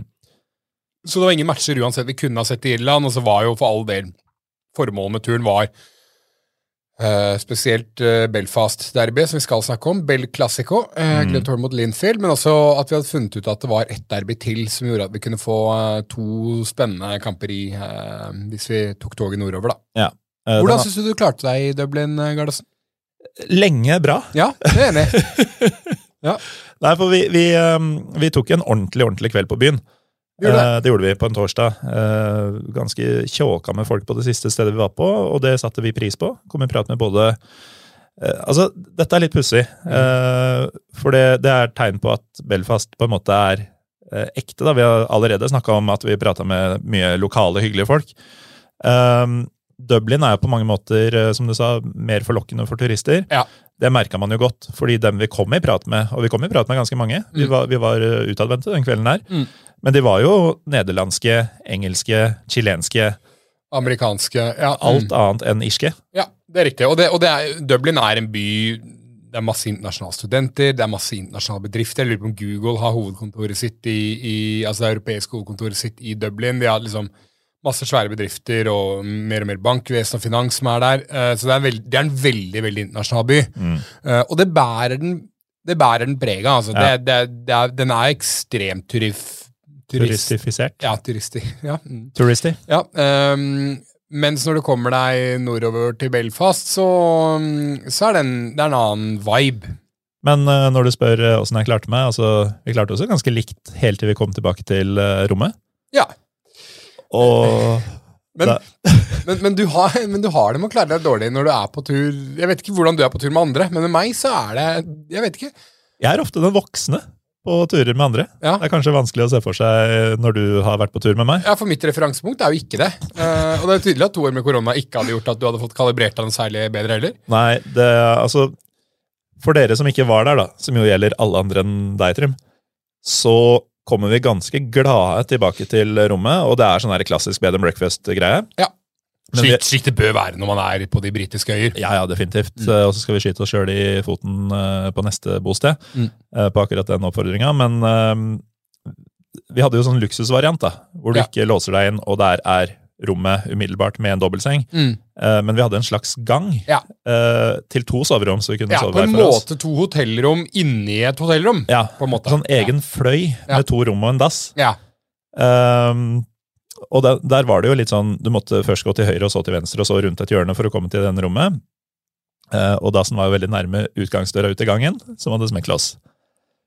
Og midt på natta, blanding av gladfull, trøtt, eh, det er mørkt, jeg har, Time tidsforskjell. jeg har ikke en time tidsforskjell. Jeg har ikke navigert meg her ehm, annet enn da vi ankom i dagslys og sånn eh, tidligere. Jeg skal på do. Um, skjønner at jeg ikke skal gå først i høyre, for der ligger Trym og sover. Uh, runder dette hjørnet som jeg nevnte, og så tar jeg den første døra jeg ser, eller kjenner. Tenker at da må det være. For selvfølgelig har jo, må man jo dra opp en smekklås på vei inn på do Ja. Går gjennom den døra, skjønner ganske fort når jeg kommer ut i det som da er gangen, altså den offentlige gangen som går til andre rom osv., eh, skjønner jo da at her har jeg gått gærent. Så du var klar nok til å ha et aha-øyeblikk at Oi, fuck. Jeg har det øyeblikket akkurat kvartsekundet før døra smekker igjen bak meg. Ja. Og den smekkdøra er jo da ikke direkte inn til ditt rom, den er inn til gangen som etter et runda hjørne leder til ditt rom, som har en egen dør som også er ganske tung. Ja. Så banke på den døra hadde ganske lite for seg. Ja. Klokka er kanskje tre om natta. Det er, eh, jeg er i bokseren, og Mm. intet annet. Mm. Eh, og vi hadde jo blitt eh, gjort oppmerksom ved innsjekking på at eh, det er ikke døgnåpen eh, Nei. Hva det nå heter? Dublin, Resepsjon. Dublin faktisk litt mer stengt enn holdt på å si resten av Storby. Eller Ja, ja. Ja. Eh, så jeg går jo ned likevel, i håp om at det kanskje skulle være en nattevakt eller noe sånt. Ikke et menneske. Eh, heldigvis er det en do der, eh, siden det var det jeg egentlig skulle. Og den skulle jeg få bruk for flere ganger, for du våkner jo ikke på noe tidspunkt Eller du merker jo ikke at jeg banker på. Nei. Så heldigvis, så, mens jeg er sperra ute på gangen der, da, iført bare bokseren og blir litt kjølig, og sånn, så ser jeg at det er et skap med litt eh, sånne laken. Så jeg tar et par sånne og legger over meg, og så legger jeg meg rett og slett som en bikkje utafor døra inn til der vi bodde. Ja. På ubestemt tid. Prøver å sove. Ligger sånn at jeg kan banke på døra litt sånn uregelmessig, i tilfelle. Um, går på do en gang til. Sover lite grann, faktisk. Og så, kanskje sånn seks, halv sju, sju-tida, Mm. da hører jeg noen skritt fra innsida der. Og, Ja. og, og hva hører du? Nei, jeg, jeg hører at det bare banker på døra, og tenker jo at det sikkert bare er noen andre drita hotellgjester, så har jeg utgangspunktet ikke tenkt å åpne opp. Men så er jeg en nysgjerrig fyr, da. Så jeg må se hvem er det kanskje, kanskje, kanskje det er noen hyggelige irske piker som har lyst til å komme på nachspiel. Uh, I så fall må jeg prøve å vekke Morten Gardaasen. Uh, åpner døra, og det står jo ingen på utsida der. Det er fordi at du ligger jo på bakken uh, med én arm i været som du banker på. Eh, og da, da min, min første tanke er at eh, dette må fotograferes. Jeg, prøver å, jeg prøver å smelle igjen den døra og klemme hånda di for å liksom kunne jeg var, klar, Dette jeg, var, bildet skulle du ha. jeg var klar nok til det, men du, du klarte å få en hånd for var nok ganske klar for å komme inn i sengen. seng. Ja, jeg skulle i senga. Jeg syns det var en fin Jeg synes det var en fin del av turen, for jeg syns jo det har jeg sagt til deg i privatsammenheng, at jeg syns det har glidd for godt for deg de siste åra. Ja. Um, og, og, og du har liksom Du har fått deg en fin leilighet, og, og ting er liksom litt på stell i livet ditt. Og, Det skal jo ikke være sånn. Nei, jeg tipper liksom at du betaler ting på forfall, og liksom ting er på stell. da Og det er liksom ikke den Morten Gardaasen jeg det er, det er ikke den Det er ikke den karakteren jeg ønsker. Altså, jeg ønsker jo ikke å se deg på en måte eh, blomstre. Eh, så, så det føltes godt å se deg ligge der litt i en, eh, i en mer sånn velkjent situasjon, en sånn positur som passa deg. Men nok om det. Altså, dagen etter så klarte vi å komme oss opp, og alt var Ja fint. da, vi gjorde det. Vi gjorde Og komme oss opp også ifølge kartet, altså Mm. nordover, til Belfast. Ja. Jævlig lite hyggelig på den togstasjonen i Dublin, der vi ordna frokost i masse forskjellig Ja, støy. stemmer det. Den er skikkelig, ja. Jeg, jeg, jeg vet da faen om kanskje både den og Belfast er sånne byer med flere togst... Dublin er kanskje i Mm. hvert fall det. Ja. Um, men en av de mange kule tingene igjen da, vi, vi ned til kort ordtur, en av de mange kule tingene når du kommer til Belfast, er at noe av det første du um, møter på utafor togstasjonen der, er uh, et sånn klassisk sånn matmarked slash marked, altså hvor de selger alt fra litt sånn kunst og ræl til fersk fisk og litt bacalao og Kjemperart. sikkert en øl og Ja, men en kul, kul kombo, da.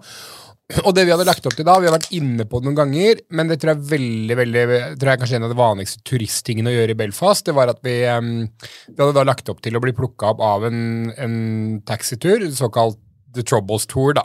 Mm. Uh, og det, det tror jeg virkelig vi kan anbefale, og litt sånn basert på det vi har snakka om med, med borgerkrigen i Nord-Irland og Belfast, basert på mye av det vi lærte der. Eh, da har man med seg en taxisjåfør som egentlig er guide. da. Ja. Og, og flere av disse selskapene, bl.a. det selskapet vi eh, booka via, har ofte da eh, godt voksne guider som, som var der og levde det, og kanskje også deltok i en del ting. da. Mm. Um, Ja, han, eh, han hadde sett det på nært hold. Han, han var ikke ungfole, han eh, som kjørte oss. Nei. Eh, Men bare, altså, vi kommer til Belfast. Det første som skjer, er da at vi ser dette markedet. Mm. eh, Får oss noe mat og noe espresso og litt forskjellig der. Og så får vi beskjed av eh, han sjåføren vår om at vi skal møte, møte den utafor Ronny Drews. mm. Og Ronny Drew er ikke noen hvem som helst. Nei, så til de grader ikke. Vi var inne på Wolftones i stad, eh, og The, The Dubliners er jo virkelig det store, da. Ja. Uh, og for de som sikkert har sett noen bilder on the cover, Ronny Drew er jo den, den, mest, den, med- den med det mest ikoniske utseendet av dem. Ja. Uh, med disse um, piercing blue eyes og den, Langt, grått skjegg. ja. Mm. Ja. Så om ikke alltid var grått, for så vidt, men på Mm. de fleste klippa man ser Tenk på at det alltid var grått, selv om han var ung. Men det var da en pub i hvert fall oppkalt etter, og, Ja. Og det, det var masse bilder av han og sitater og sånn. Jeg vet ikke om det var hans egen bar i sin tid, det. Men eh, du får en ganske sånn vi- får en ganske sånn klar nordirsk start på turen, da. Ja. Eh, bare går av toget, og så er det de to tinga, og så rett inn i en av disse trouble taxiene. Og, og, mm, og, altså, og, og igjen da med enda en altså, fet greie med Belfast. Det, det, er, det her kommer ikke til å overraske mange av de som lytter, men jævlig mye kule puber der. Mm. Veldig, veldig mye kule puber. Eh, og den var ikke noe unntak, selv om vi da kom inn tidlig på dagen. da, Eller på formiddagen. Uh, de Troubles-turene går eh, Jeg tror du kan booke litt sånn ulike varianter. Det er fra en tre kvarter til halvannen time, litt avhengig av hva du vil. Men da kjører man gjennom de ulike nabolagene som til dags dato øhm, uh, altså Det er ikke sånn at man sperrer av og låser ned lenger, for det er det ikke noe behov for per nå. Men det er fortsatt sånn at store murer og sånt og fremdeles står uh, mange Mm. steder i byen. Ja, de, de er synlige flere steder, og som du sier, altså høye murer med sånn, sånn surra piggtråd. Ja. vet, de der spiralgreiene. Mm. Eh, ordentlig guffent, og igjen noe du ikke forventer å se i den delen av Europa. Nei. Eh, Og veldig kontrast til, til moderne Dublin. da. ja, ja, veldig. Eh, ekstremt. Så, Hvor alt handler om glede, Ja. så handler Belfast mer om vrede. Ja, eh, det er riktig. Nei, da, så Fin greie. Um, og derfra, derfra så um, Dette var jo da um, Dette var fredag, og fredag kveld var uh, dette derbyet vi skulle se. da. Mm. Uh, I Nord-Irland Kanskje Irland, vet jeg ikke, men i Nord-Irland spiller man ikke fotball på søndager. Nei. Det er eh, Kanskje hvis Boxing Day havner på en søndag, for det Boxing Day er liksom største dagen for, for Mm. fotball. Og da er det derby. Da er det derby. Um, jeg tror faktisk det Linfield mot Belfast Celtic-derby som jeg snakka om, der Linfield-fansen angrep uh, Belfast Celtic sine spillere i 49, skjedde på, uh, på Boxing Day. Mm. Det er stor fotballdag. Men ellers, søndagen er hellig der. Uh, Og nå har vi brukt litt tid på, eller jeg da, på å liksom si at religion ikke liksom, Konflikten handler ikke bare om det, men at religionen står sterkere der enn sånn jeg opplevde på alle våre andre turer, håper å si, både sammen og hver for oss eh, ellers på de britiske øyer, det, mm, det syns jeg ikke er å, å overdrive. Um, apropos liksom, om det var togstasjon eller busstasjon, eller noe sånt, og så bare hørte jeg liksom noen En eller annen bestemor sto der uh, og sa farvel til sitt barnebarn, som kanskje var sånn åtte år, eller noe sånt, og, og da bare Jeg bare beit meg merke i det da vi gikk ut derfra. sånn Remember to pray for me, eller et eller annet sånt. Ja. Liksom, og det er sånn Ja, det er, det er ikke Det er ikke en Det ja, det, det er ikke det vi sier til hverandre. Nei, det er ikke det. det, er ikke det. Uh, så ja, men, men ehm, eh, Glenn Torren spiller hjemme mot Linfield. Ja. Eh, det var en forutsetning for at, uh, for at siden vi ville se matchen på The Oval. Mm. Ja, fordi Linfields hjemmebane er vel uh, Windsor Park, Ja. som er nasjonalarenaen. Ja. Altså, det hadde blitt som å Som å velge Ullevål over Åråsen, liksom. Ja, Det- den er litt ullevålaktig, den. Ja, den er det. Nei, man gjør ikke det. Man gjør ikke det. Uh, vi uh, forberedte oss da med denne taxituren. Uh, fikk jo også snakke litt om kampen med han, som mente at det kom til å bli en bra opplevelse. Han skulle faktisk se den på TV sjøl, og det pleide han ikke å gjøre med Nei, for han var, han var jo da opprinnelig katolikk. eh, Ja. Mm. Ja, det også har jo ligaen vært ganske dårlig, Mm. men som han var inne på, det, det er en økende interesse og økende kvalitet, i hvert fall delvis, Mm. fordi eh, vi prata litt om det i stad med Lillestrøm som bare valsa over Glenn Torren i Altså, det var et middelmådig Lillestrøm i 2000. Det var det. Uh, sjetteplass i ligaen, hvis jeg husker riktig. Valsa over det laget, og, og det har jo vært eh, Hver gang norske lag har blitt trekket mot nordiske lag, så har det vært sånn uansett om det er Haugesund eller Rosenborg, så er det sånn Det Ikke snakk om å ikke gå videre. nei, det føles som en greie der Petter Bøe Tosterud, Morten Gardaasen og undertegnede sitter og predikerer at dette bør være grei skuring for det norske laget, Ja. eh, og at det skjer hvert eneste år. Ja, ikke sant? Uh, men det er en Delvis, uh, i hvert fall, uh, så er vinden i ferd med å snu. Fordi eh, den ligaen har jo vært amatør... eh, det har vært en amatørliga Det det vært. i, Og, i alle år. og, og i den grad vi i Norge ofte føler at vår egen lokale fotball har liksom blitt frarøvet både entusiasme fra TV-tilskuere og unge talent fra England og Premier League, så er det klart at det sier seg nesten sjæl med Nord-Irland og Irland og, og Wales har liksom opplevd det ganger 100, da. Um, um, hvor liksom all oppmerksomhet rettes den veien. Så kult å høre en fyr fortelle at normalt sett så var ikke det noe han ville liksom brydd seg om i det hele tatt, men, men nå gleder han seg til å se derby på TV. Og til tross for også at han da eh, var eh, katolsk, og alle klubbene i, eh, i eh, Danske Bank-ligaen, som den norske, nordirske ligaen sjukt nok heter. eh, eh, der er det vel bare ett av lagene som er sånn Kall det uttalt katolske nå, da. Linfield og Glentoran er begge protestantiske klubber. Eh, uten at kanskje særlig Glentoran egentlig liksom er så opptatt av det, så skulle vi nok oppleve at Linfield eh, kan, kan minne om, om, om Rangers på, på mange måter. På mange måter. Um, det laget du ikke nevnte, da, det uttalt katolske, det er vel da Cliftonville. Ja. Uh, også fra samme by. Ja. Som i innspillende stund uh, faktisk har For det er jo Glenn Torren leder serien ett poeng foran uh, Linfield. Mm. Med én kamp mindre spilt og fire poeng bak Glenn Torren igjen, så har du faktisk Cliftonville. Mm. Så, så de er med i gullkampen, de også. Um, utrolig, utrolig interessant uh, innspurt uh, der. Ja. Um, men uh, det, det nærmer seg kampstart. Vi får i oss noe japansk fôr og tar en taxi ut til ingenmannsland, eller?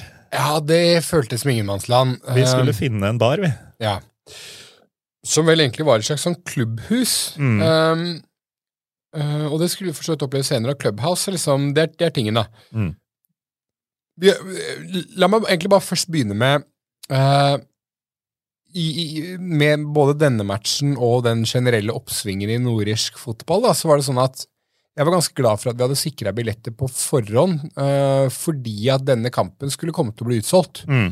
Uh, og nå tillater restriksjonene bare 6500 eller noe sånt, og på grunn av en kombinasjon Eller prim, sikkerhetsårsaker, egentlig, fordi at de ønska å slippe inn bortesupportere og litt sånt nå.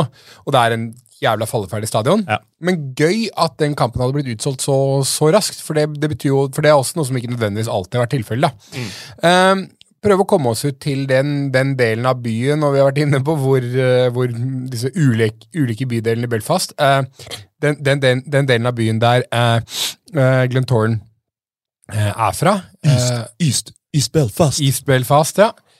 Eh, for å prøve å finne et klubbhus der vi hadde blitt invitert av noen Glenn Torren-supportere som sa at eh, dere er hjertelig velkommen hit. Åssen fikk du til det?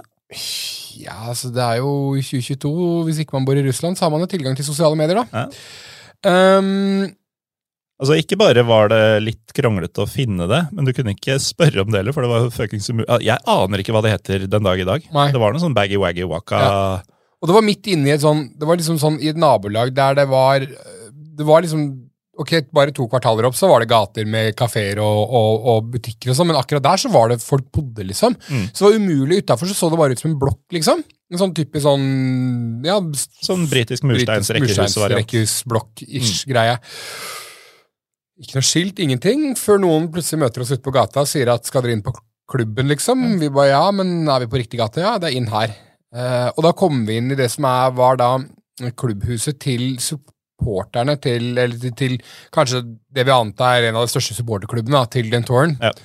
Og jeg ble skikkelig, skikkelig imponert, ass, hvor, hvor utrolig fett det var. Ja, og det syke er at du ble imponert umiddelbart da vi så den øvre delen, Ja. og trodde dette var det, Ja. og det var fett. Ja, for det var en svær, det var en svær liksom, pubdel med Altså ordentlig pub, liksom ikke bare sånn at de hadde noen øl stående i en kasse, liksom, men, men med servering, eh, draft beer og, og liksom masse bilder fra, på veggene. Og det, det, det, det, det som er kult med å holde med Glentoren og de ja, og, og Linfield kanskje, da, spesielt, men det er at de nesten hvert år så deltar du i Europa, så de har Ja. ekstremt mange turer på samvittigheten. da, Til en klubber som egentlig liksom ikke er Ja, som kanskje er på størrelse med vår egen, egentlig, da, bare at man har deltatt i Europa hvert år. Ja, og de fortalte jo det, at uh, de, de veit jo i anførselstegn at de får den ene turen hver sommer. Ja. Så de sparer jo til det og forbereder seg til det. Og, Og drar sånn store ja, knekker til over hele Europa, liksom. Så, så veggene var fylt med bilder av minner fra liksom alt fra Romania på tidlig 90-tallet til um, Jeg holdt på å si til Lillestrøm, så jeg ikke bilde bildet derfra. da, Men altså, altså alle, alle de turene de har hatt, da, og, og, og Nederland, og selvfølgelig mot store klubber og sånt nå. Drakter hengende på veggen, biljardbord, liksom alt det du tenker at det skal være. da, og og, f- og Matt Fjøs, som det heter oppe i, eh, oppe i Innlandet. Um, med masse liksom folk Ja, full, full pub, da. Um, alle velkomne i, i, eh, i liksom innstillinga. Bare kom inn og kos dere og sånt noe. Eh, og vi ble tatt imot av det som jeg tror liksom var Jeg vet ikke hva tittelen hans var, men han var en slags sånn han var vel en slags sånn custodian eller noe sånt for Ja. liksom stedet. Ja, det, det tror jeg. Altså og- Hvis det var et museum, så hadde han vært kuratoren. Ja, kurator. Og han um, Han snakka jo um, sånn som en del folk der gjør, og det betyr at Du forstår hver tredje setning, Ja. og så må du bare gjette og gi- nikke mye Ja. på det andre han sier. Og så er det noe med tonefallet på den der irske og nordirske dialekta som gjør at det hele tiden du får inntrykk av at de kanskje stilte et spørsmål. Ja, for Og et eller det er litt sånn- vanskelig ja. når du ikke har hørt orda. Nettopp. Um, altså det, det, føles, det føles som når du hører noen prate nederlandsk. At du, 'Å, det ordet skjønte jeg, eller ah, ja, akkurat det jeg skjønner hva han snakker om, men du ikke kjangs, da. Og han vil gjerne både prate og stille spørsmål og sånt noe, da. Eh, og så tar han oss da med ned i underetasjen, der de jeg har ikke noe bedre ord på det enn en enorm ballsal Ja. i sort og grønt og rødt, som er fargene til Glentoran, med drakter hengende rundt, stor scene, grønne lys, svært dansegulv. Altså Det var så jævlig gjennomført. ja, ekstremt. Og enda liksom en svær bardisk og sånt. Nå var ikke, var ikke behov for å åpne det nå, men der, der hadde de liksom klubbfester og avslutningsgreier. Og, Enda flere bilder og innramma drakter fra flere tiår. Ja. Og Um, ja, altså, ja, nei, man, man, man tenkte ja, Jeg har aldri sett maken i Norge, i hvert fall. Nei, nei, nei. Um, utrolig kult. ja, helt, eh, helt rått. Um, Nå var det jo bikkjekaldt der nede, husker jeg. Det var noe greier, altså De drev og skulle pusse opp og ordne noe Ja, greier. og Det var også litt av grunnen til at det var så anonymt utenpå, visstnok, for det var jo ikke alltid Nei, sånn. de det var hadde visst tatt med et skilt Ja, eh, som, som ville hjelpe oss veldig. da. I, i, Ja, for, ja. for da vi googla det også, så så vi at det hang et skilt ut. ja, Med en Så- sort og grønn og rød hane. Ja. Og da tenkte vi at eh, ja, det, det ser jo Det sånn, det ser jo sånn ut på bildet. Vi kan ikke være på riktig sted. Nei. Så gudskjelov for at han eh, fyren med sønnen sin uh, dukka opp der. Ja. Apropos folk med sønnene sine, jeg kom på en detalj okay. Oppe i bardelen. Ja. Var det sånn at det var en litt eldre dame som vi trodde var en 13 år gammel gutt, eller omvendt?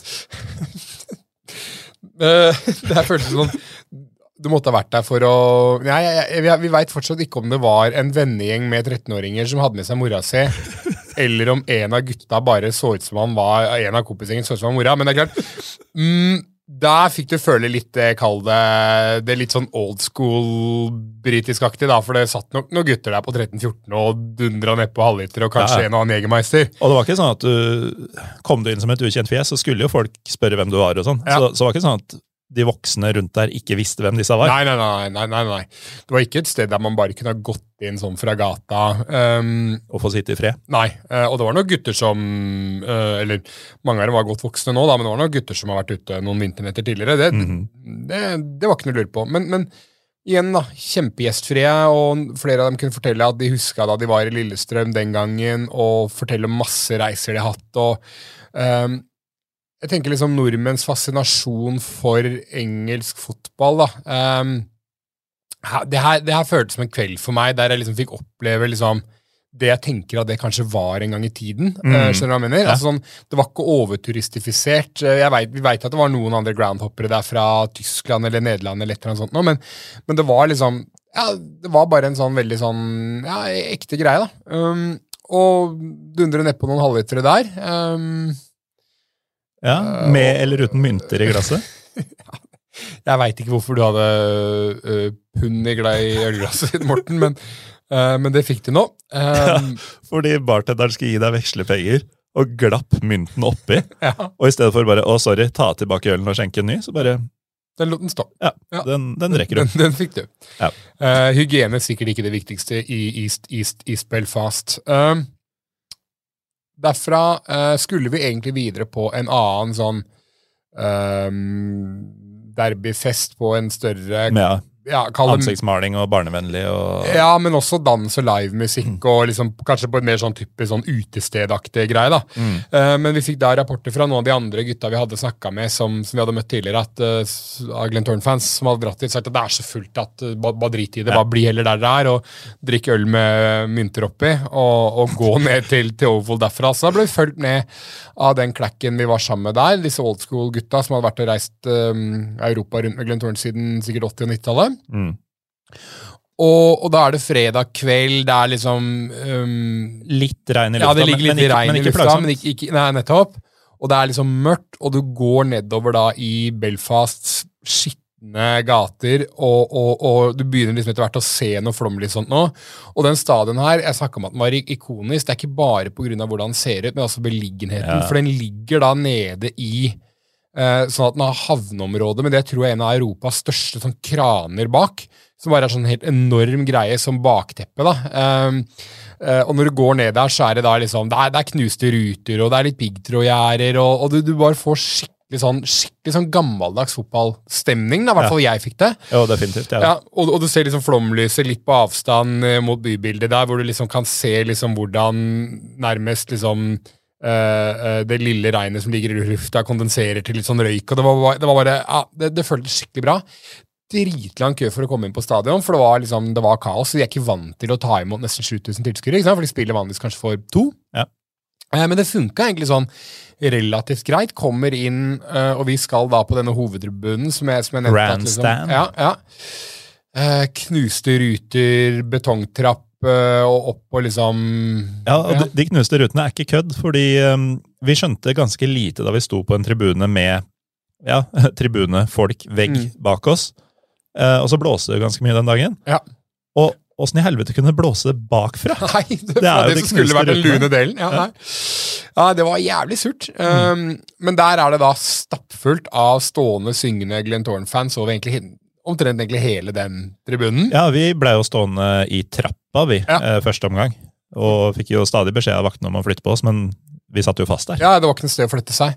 Um, og uh, Linfield-fansen har da kortsida, og Mm. kortsidene på The Oval kan minne litt om om gamle Lerkendal, nærmest. Ja, den sånn, klokkesving-bakke-greia. ja, gressbakke med noe Mm. betong og litt sånt nå. Um, dessverre så har de nå tatt ned Det er noen år siden, da, men tidligere så hadde stadion et utrolig ikonisk skilt hvor det bare sto Jesus på. Uh, det er ikke det lenger.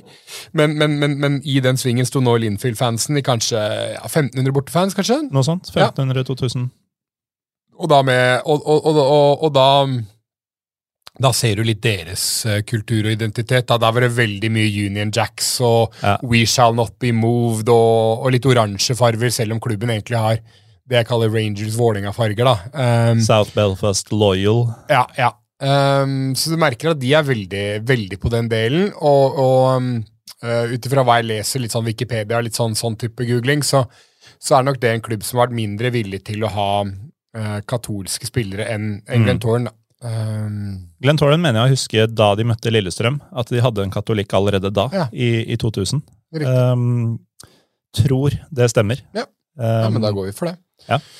Uh, nivået på fotballen er jo akkurat sånn som jeg elsker det. da. Det ser jeg med en gang. Det er, det er, ikke, det er, ikke, ett, det er ikke ett jævla forsøk hele matchen på noe frispilling bakfra eller finesse. Det er liksom bare klareringer. Ja. Det er en dommer som tillater at taklingene er litt harde. Frisparklinje er um, Ja, te- terskelen for å få frispark er høy, da. Um, Og sånn full innsats og, og, et nivå jeg kanskje ville satt et eller annet sted på nedre halvdel av Obos. altså sånn, Selv om dette da var historisk sett de, desi, de to desidert beste klubbene i, um, i Nord-Irland, mm. med til sammen sikkert sånn 100 ligatitler eller sånn. sånn ja. ja, men det er helt spinnende. Altså, de er på mange måter Celtic og Rangers bare i Nord-Irland, sånn, mm. sånn, i størrelse. Ja, Og at ingen av dem egentlig er Celtic. Ja. ja. Uh, greit nok. Ja. Men, ja. Mm. Uh, men altså, kampene det, det, var jo eh, Vinneren, dersom det skulle bli en vinner, ja. ville jo ta over serieledelsen. Um, det vil si at eh, ett av lagene leda vel med ett poeng uh, før, så ja. man kunne jo egentlig beholde serieledelsen. Men uansett så var det da en kamp med alt på spill mellom de to største klubba i landet. Mm. De to beste klubba i landet, og to av fire klubber i landet som faktisk er blitt profesjonalisert. Ja. At spillerne er der fulltid. Ja. Um, så alt lå til rette for den beste fotballkampen du kan få i Nord-Irland. Ja. Det var jo ja, det, var det, det, var ikke Serie A. Nei, det var ikke det. Men det, men det var liksom litt den Når det er sagt, da, vi har vært på en del derby, så det er nesten sånn, jeg føler, føler nesten selv om du er på et derby i, i, i, de største ligaene, så er det ofte litt sånn der nerven som ligger litt utenpå. Ja, ja. litt greier der òg. Altså, sikkert litt prega av det. Um, når det er sagt, så Hvem bryr seg? Jeg hadde fått til meg en god del pjolter og vakker. Liksom, jeg, jeg, husker ikke Det jeg husker best fra matchen, er liksom noe overtidsredning og, og, og at, at Glenn vinner, liksom. Men, ja, uh, men og, utover det så er det trøkket på tribunen jeg liksom eh, Nettopp, og, og, og, du har vært inne på det flere ganger at dette må jo være sånn det var å dra på engelske kamper i gamle dager. Ja. Um, det, det, med trøkket, mm. definitivt. Altså ja hadde jeg starta min fotballreisekarriere med den turen her, mm. så hadde jeg også blitt sånn britisk-looking eh, type. Ja. For det var fett, altså. Ja, det var kjempekult. Og vi fikk jo, altså vi sto i den trappa først, men uh, i andre omgang så var det, eller i pausen var det mange som forlot plassene sine for å gå i baren og hva det mm. nå var. Uh, da benytta vi muligheten til å flytte oss litt oppover og innover, og ja. fikk jo da plass i klekken, men litt sånn på utsida, da. Ja. At vi ikke blei uh, busta jo ikke høre til, ja, ja, men at, nei, vi kom nærme nok til at, nei, at vi kom nærme nok til at vi kunne virkelig oppleve det. Ja. Uh, og det, det, det, var jo døds, uh, dødskult. Ja, det var det. Og, og, tribunen er jo Den er bratt, og det er tak, og det er vegger, riktignok med mye knust glass. Mm. Men uh, lyden bar godt. Den gjorde det. Og, og, og altså, i motsatt ende så har du jo da ganske mange Linfield-folk. Bra bortefølge. Helt mm. sikkert uh, noen som ga lyd fra seg, de òg. Hadde ikke sjans til å høre dem. Nei. Mye fordi det ikke har tak og det blåste mye, og sånn, men også fordi det var jo umulig å høre noe som helst annet. Ja. der ja, vi sto. Det var bra kok, og, og, og mm, som holdt på å si observatør, så vil jeg jo tenke at liksom Det her lover jo godt for um, I hvert fall for Glenn Thorne, for at veldig mange av supporterne var liksom uh, Der hvor vi hadde vært på klubbhuset med kanskje primært folk i, i sånn 40-50 ja, åra, ikke sant? kanskje til og med opp til 60, så var det ganske mye sånn 14-15-16 år gamle uh, kids som hadde lurt inn litt alkohol og sto der og var litt klare i øya, liksom, og var superivrige. da. Um, ja, men det er ikke sikkert at de skal bli så gamle, for det var en del sånne kriminelle ja, douchebag-sveiser. Ja, det, det, var det, det, var ganske mange der jeg ikke var så interessert i å slå en prat med. Ja, da, og, og, det var ikke aldersforskjellen først og fremst som gjorde det. Nei da, det var nok mange som øh, Hvis mamma og pappa ikke alltid har vært til stede, kan man, kan man si. Ja. Kan man anta. Ja. Uh, men uh, da blir det jo sånn at Linfield, nei, Glenn Torren vinner jo denne kampen 1-0. Ja. Um, og det er jo et par spillere som utmerker seg. Ikke nødvendigvis som vi får med oss, men som supporterne virkelig elsker. Ja. Um, det var en stopper eh, som heter uh, Paddy McLean. Uh, det navnet er irsk, eller? Kunne ikke hatt noe særlig irskere navn. Nei, det tror jeg faktisk ikke. Uh, som ble synget mye til. Mm. Men uh, det var også en angriper ja. som jeg i løpet av kampen trodde het Jake Connolly, ja. Dave Connolly mye. Det, sannheten skulle vise seg å ikke være et sted midt imellom engang. Han het Jay Donnelly. Ja. Han uh, hadde kul sang. Han hadde fet sang, fordi at uh, der var det Gigi D'Agostino-melodi, og mm. da blir jo jeg uh, Ja.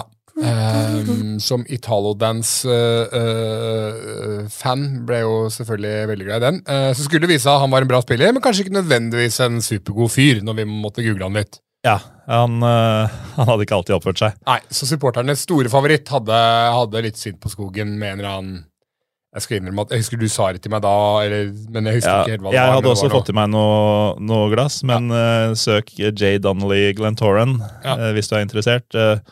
Det var noe damegreier som ikke var helt Ja, for vi var ikke, ja, vi var ikke så gamle som vi burde ha vært. sånn, Så det var, ja, det var litt ugreit. Men, Mm. men, men supporteren er store favoritt, da. eh, ble sunget til nesten uansett hva han gjorde. Ja. Fordi de likte rett og slett å synge den sangen. Og han er toppskårer per nå eh, Mm. i ligaen, så um, uh, Ja. At han plutselig kanskje kan dukke opp i skotsk liga eller noe, noe med litt mer penger, kan fort, fort skje. Jeg kan jo Jeg googla litt nå, for vi kan jo ikke la den henge. Uh, september 2020, Glenn Torren Defense J. Donnelly signing. Uh, han hadde da sittet i fengsel i tre, i tre måneder um, for distributing an indecent image of a child. Oi. Det hørtes jo enda mer forferdelig ut enn jeg Ja. Ja. Han hadde tatt et bilde av en 16 år gammel jente mens de var i en uh, prosess. Mm. Ja, i, i, tilbake i 2016. Um, så nei, um, det er ikke nødvendigvis han man skal bruke den melodien på. Ja. Uh, og i Lillestrøm så gjør vi jo da ikke det. Nei, det gjør vi ikke. Uh, det, Vi synger det, ikke om Jay Donnelly på Åråsen. det viser seg altså at det å være en god fotballspiller ikke nødvendigvis er um, ensbetydende med å være et godt menneske. Nei, Det er korrekt. Og det var heller ikke han som ble matchvinner, uh, heldigvis, da vi var der. Ja. Um, men uh, de vinner 1-0 og synger om at de are gonna win the Irish League. Mm. Jeg syns det ordvalget var litt overraskende. Ja, det gjorde nok jeg, og, og, og mm, også fordi jeg liksom aldri helt klarte å fange opp det. Men vi spurte vel noen lokale om det seinere, og det er vel sånn at man gjerne bruker dette her litt om hverandre. Um, så jeg tror det er sånn, og jeg sier tror, for det her liksom Det er sikkert mange ulike oppfatninger av dette her sånn, men jeg tror det er sånn at du kan være lojalist og ønske at uh, Nord-Irland skal være en del av Storbritannia, samtidig som du omtaler deg selv som Irish. da. Mm. Det, det tror jeg faktisk øh, det er. Også, og da for all del ikke gaelisk eller liksom sånn, men, men, men liksom ja. Så, så, så det brukes litt sånn om hverandre. Mm. Uh, og igjen, eh, i rugby så, så støtter både nordirene, um, i, i form av både katolikker og protestanter, og, og si katolikkene i Irland støtter da ett landslag. Mm. Eh, så det fins jo håp der, kan du si. Gjør det. Eh, Som eh, vår venn Gary Hamilton også var inne på i forrige segment. Han har jo spilt denne kampen. Han Mhm. var jo Glenn Torren-spiller tidligere. Og vi har nå fortalt åssen vi opplevde matchen på tribunen. Vi kan jo høre litt åssen han husker kampene som spiller. Yeah, it's amazing. And, and like, listen, I've been lucky enough myself to play in many of them in my time at Glenthorne, and you know that is a, it is an amazing experience. And you know, in my time, whenever there wasn't as much crowd restrictions, you know, you would have been getting 11, 12,000 at them games, you know, which is which is good crowds, you know, and you know it was a it was a it was a hostile environment, um, as you as you probably witnessed yourself and experienced yourself, and there's a lot of a lot of hatred there, you know, and, and they, they they despise each other, and you know, but it was as a footballer again, it was it was one of the best games you could play, and and, and it's something that that'll always stay with you the rest of your life, and I'm, and I'm sure you glad you were glad you got to experience that yourself too. Det var ikke bare stort for oss eh, på tribunen, dette derbyet. Det er tydeligvis også stort for spillerne, Trym. Mm. Eh, Men dette skulle ikke bli det eneste derbyet vårt eh, denne helga i eh, Nord-Irland. Nei, og, og, og, og, hvilken jævla bonus, altså. Fordi um, som, som man jo gjør når man skal på sånn tur, så, så har man jo gjerne én sånn hovedmatch, og så prøver man å finne ut av hvilke andre varianter er det mulig å få. Og så fant vi da ut at um, eh, dagen derpå, altså på lørdag, så, så skulle Glenavon spille hjemme mot Portadown. Mm. Um, og at det uh, i Nord-Irland kalles Mid-Ulster Derby, da. Uh, som kanskje er liksom Nå har du fire klubber i Belfast. Vi hadde vært på den st st altså landets store derby, Belt Classico. Eh, er Som ikke er noe du har funnet på. Nei, nei. Det nei, kalles det. Ja, det kalles Bell Classico. Jeg tror det har noen andre kaller det nå. The, the, the Big, Big Two two Derby. ja, ja, ja. Mm. Men, men dette Mid-Ulster Derby da, mellom uh, Portadown og, og Glenavon, det er uh, også derby med mm, eh, med lang tradisjon. Eh, og da eh, Vi tok vel toget ut dit, og kan det ha vært en halvtime? Kanskje ikke det, ikke det nesten? engang. Nei. 24 minutter eller noe. Liten, liten sånn uh, lands, litt sånn Postman Pat-aktig landsby. er ikke det? Ja. Ja, ja, var det ikke det? Jo, jo. Tenkte jeg egentlig ikke på før nå. Litt sånn Postman Pat-aktig landsby, som da heter Lurgan. Mm. Um, der Glenavon er uh, bygdas, eller byens uh, hjemlag. Det er korrekt. Og uh, altså, dette Mid-Ulster Derby er jo såpass enkelt at Glenhaven Glenavon er blå, Mm. og Portadown er rød. Ja. Så Mid-Ulster er jo da gjerne red eller blue, da. Ja. Som Berlin. Ja, nettopp. Eh, og og, og mm, eh, Portadown er da en by kanskje også bare 10-15 minutter lenger vekk fra, Ja, fra Lørgen igjen, eller sånt. da. Lurer på om det var neste stopp med det lokaltoget. Ja, ikke sant? Så, så to Ja. eh, ja to, to småbyer rett utenfor Belfast som, eh, som har lang, lang fotball. Vi hadde ikke gjort all verden til eh, research Nei, på og det, så Lurgan. det er så deilig noen ganger, det òg. Ja. for, for, for alt det andre var jo veldig lina opp og var jo Mm. ja, 20 years in the making, omtrent. ikke sant? uh, mens her var det mer sånn Ja, la oss, la oss se hva som Happy skjer. go lucky. Ja, Og det er jo egentlig da vi er sterkest. Det er jo det. Og på den måten fant vi jo en av de kuleste pubene på hele turen. Mm. Uh, Da vi gikk av toget, så var det jo eh, noe som het Railway Bar, som var det første og beste vi så. Det var stengt. Mm. Ja. Så vi gikk videre til uh, noe som het Courthouse Bar. Mm. Som ikke så ut som en bar i det hele tatt på utsida, men som et courthouse. Ja. Uh, Men på innsida, Ja, der kunne vi blitt hele dagen. ja, fy fader. Og igjen da der, og, og, og, og det med um, det irske, det britiske, altså den pubkulturen. Her kommer vi til en liten by som kanskje er liksom sånn jeg veit da faen, jeg altså, halvparten av Moss i størrelse eller sånt. Og liksom én gate, da, men, men de er gode på det der. Sant? Det er sånn, du har liksom alltid en sånn hovedgate der det er masse butikker og alltid mm. sånne printshops og litt sånn forskjellige greier, og så er det masse puber. Og i denne bitte lille landsbyen her sånn, så er det da en, rett og slett en svær, skikkelig, skikkelig fin pub, altså. 37 000 innbyggere, så det er ikke så lite. Nei, nei, nei men, men, men det er allike I britisk standard så er jo dette Jeg veit om byer med 600 000-700 000 i, i Norge som antageligvis ikke har puber på det nivået der, da. Ja, men altså, seriøst.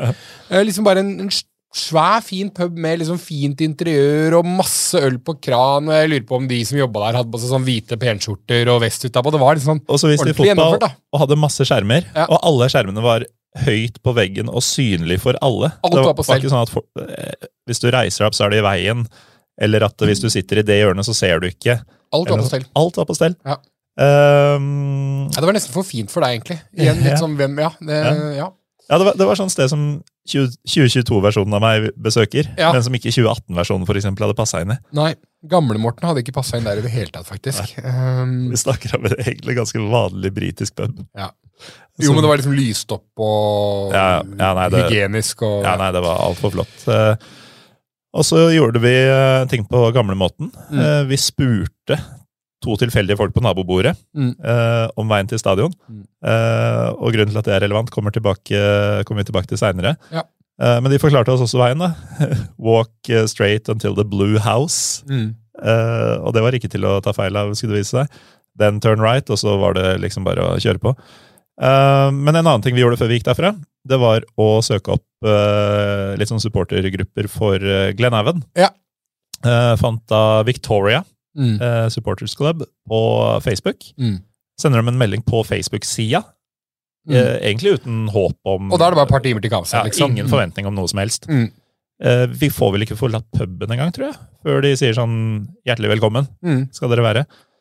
Uh, som da gjør at vi får fortgang i denne exiten vår da, og drar uh, forbi Det blå huset. Ja, og, for de lovte at det var ølsalg på stadion. ja, Det ja, var vel ja, det de ja, og det skal vi virkelig Ja, det skulle vise at det, det, vise at det var en underdrivelse. Det, det var eh, Innsalget kunne vært bedre, som det heter på Eh, norsk dommerspråk.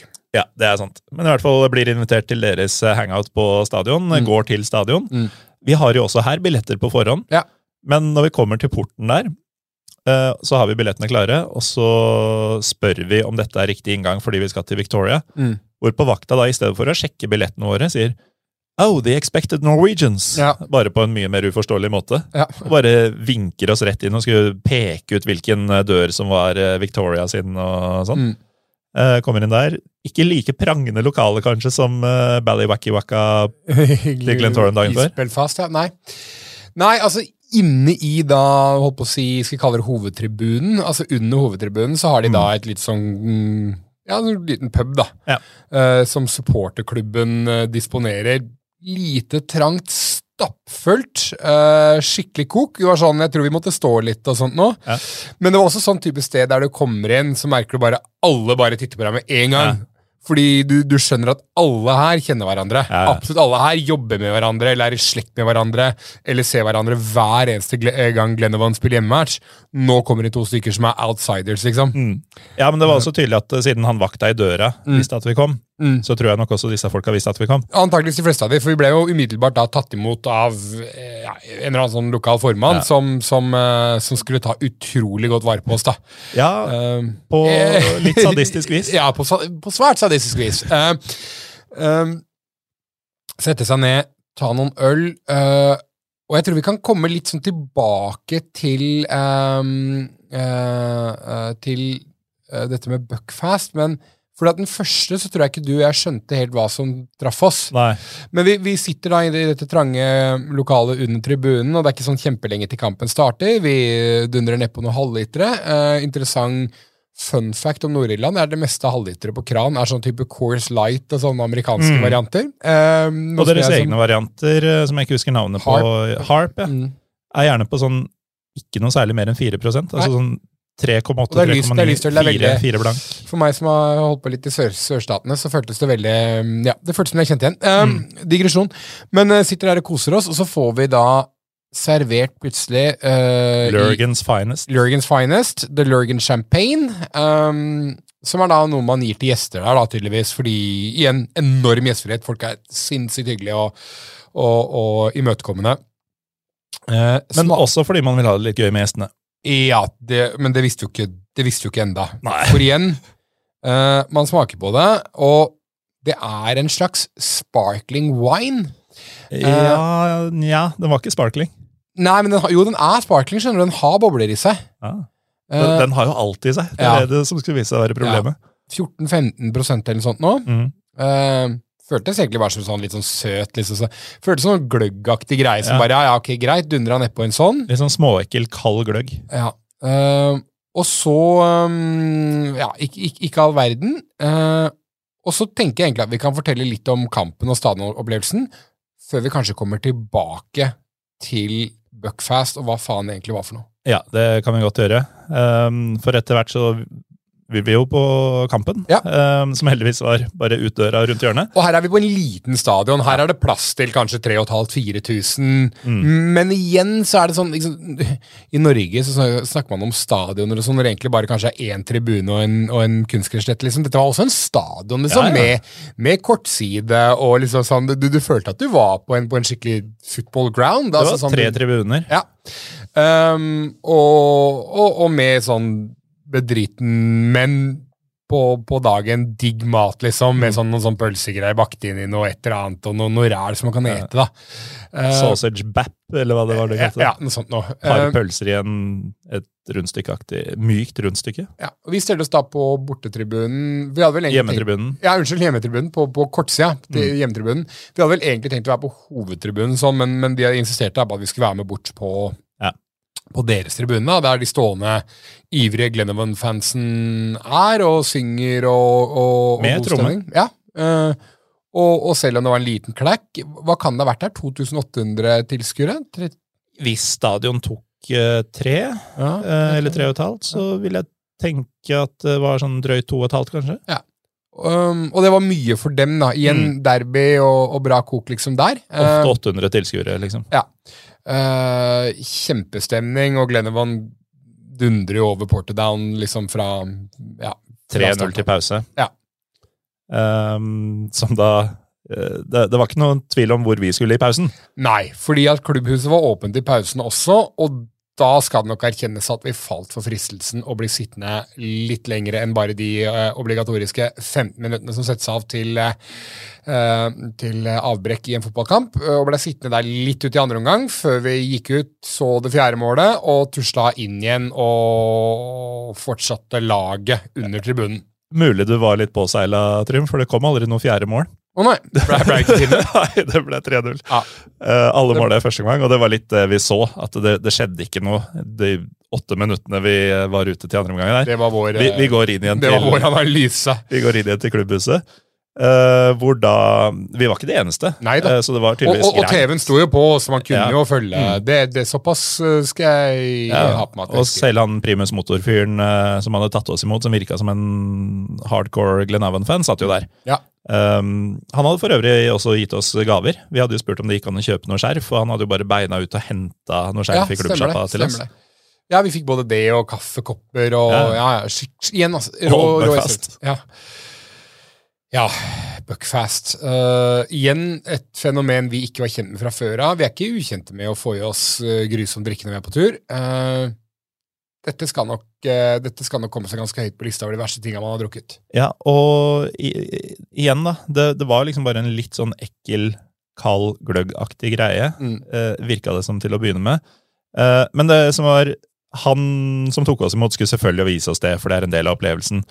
Problemet var bare at etter hvert så var det jo ganske mange som skulle vise oss det samme. Alle syntes det var like gøy å gi utlendingene Buckfast. Ja, og noen hadde fått med seg at vi hadde smakt det allerede og skulle se hvor mye vi tåler. Andre visste ikke det og gjorde dette i beste mening. Kanskje. Uh, men vi kan jo høre litt mer om hva Buckfast er og hva det gjør med deg, fra vår gode venn eh, Gary Hamilton. Lurgan Champagne. It's just it, it's it's like a tonic wine, and it, and it, believe it or not, it's it, I think it originates from from the monks. Um, the monks made it and designed it, and you know it's a tonic wine, but it's it's a lot of caffeine in it. It's a lot of caffeine, and if you if you manage to to drink a bottle of that, you'll certainly um, you'll certainly be flying all night, so you will. And, unfortunately, to come down off it the next day is even worse.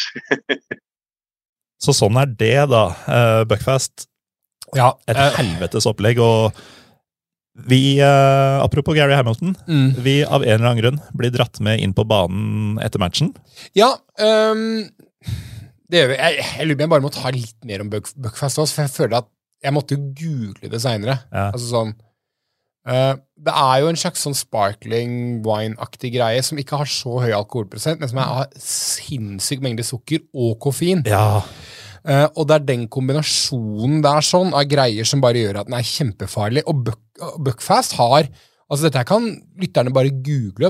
Buckfast har fått skylda for masse ungdomsproblematikk, ja, ja. generell vold og, og, og sånn, og i typisk sånn derre shit byer rundt omkring i Storbritannia. egentlig. Mm. Eh, nesten på samme måte, måte, som en del harde droger, rett og slett. Det er rett og slett ekstremt utskjelt um, og angrepet uh, Holdt på å si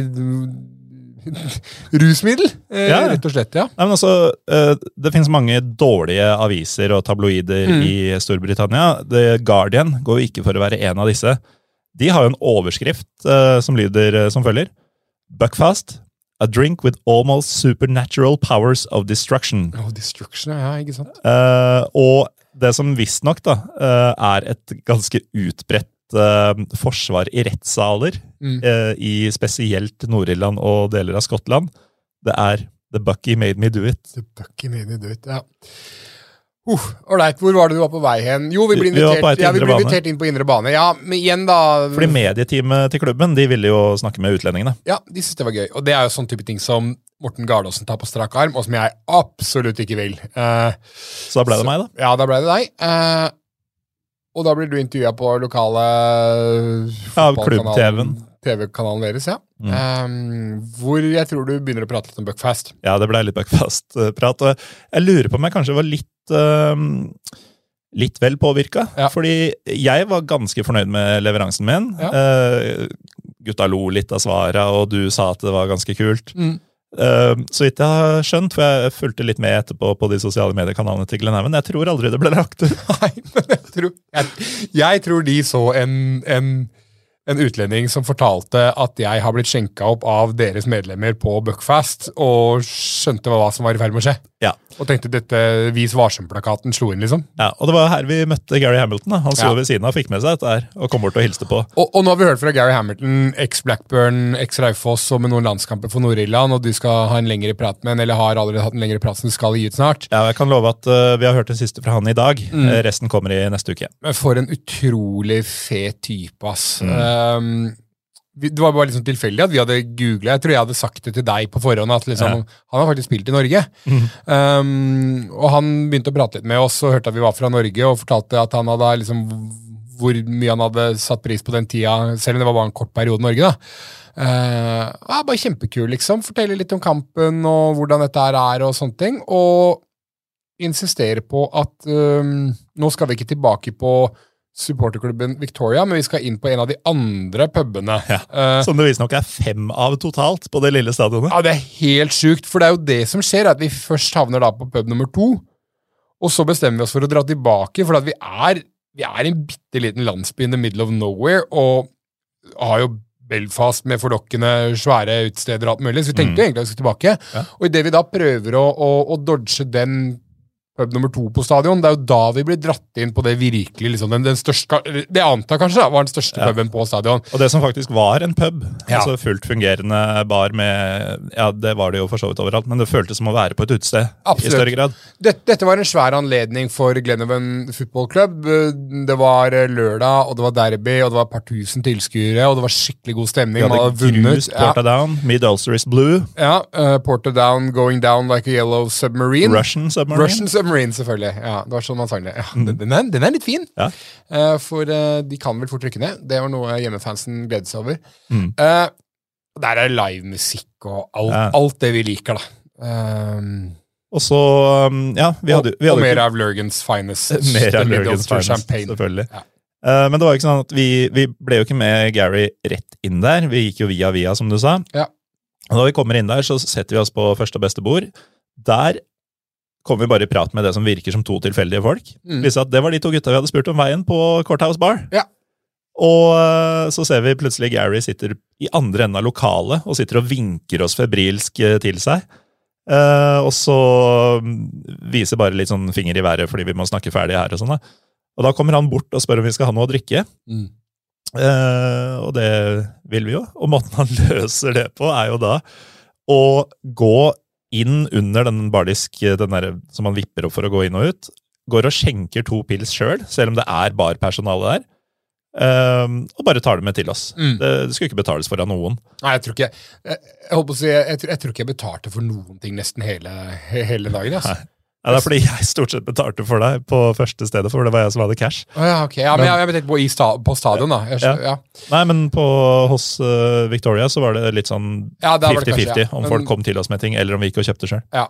Når det er sagt, så skulle jeg godt betalt mye for å slippe Buckfast-helvete. Mm. um, Men mitt Buckfast-helvete var verre enn ditt Buckfast-helvete. Ja, for det viser seg jo ofte det at du ikke tåler ting så godt som du burde, da. Uh, så det skulle gå ordentlig gærent med deg, men, men, men fram til da så erindrer jeg at vi hadde en, en helt suveren aften, altså, med Ja, med Igjen den derre eh, f- altså så, En sånn liten klubb der du kan få den der familiefølelsen. Mm. Alle kjenner hverandre. Det er liksom hun gamle dama som Holdt på å si steker vafler, nå er ikke det mye der, da, men lager disse her, hva kalte det, pølsegreiene? Gudene veit. Ja, eh, nettopp. Og kanskje liksom ja, noen tidligere spillere, fans, liksom alle er samla. Det bare er en rå stemning, da. Mm. Ehm, og da mm, da blei blei det til at vi aldri kom oss tilbake til Eller vi, i hvert fall ikke sånn eh, til slutt, da, men vi, vi, vi, lot, vi lot Belfast vente da, blei ute i i, um, I Lurgan. I, i Lurgan, på- Lurgan hadde alt vi trengte. Ja, ja, men hadde jo det. Pizza med chips på Ja, ja. Um, og, og da skulle jeg nok også få oppleve at ehm, dette Mid-Ulster-området er jo også spesielt i, eh, i eh, et nordisk historisk perspektiv.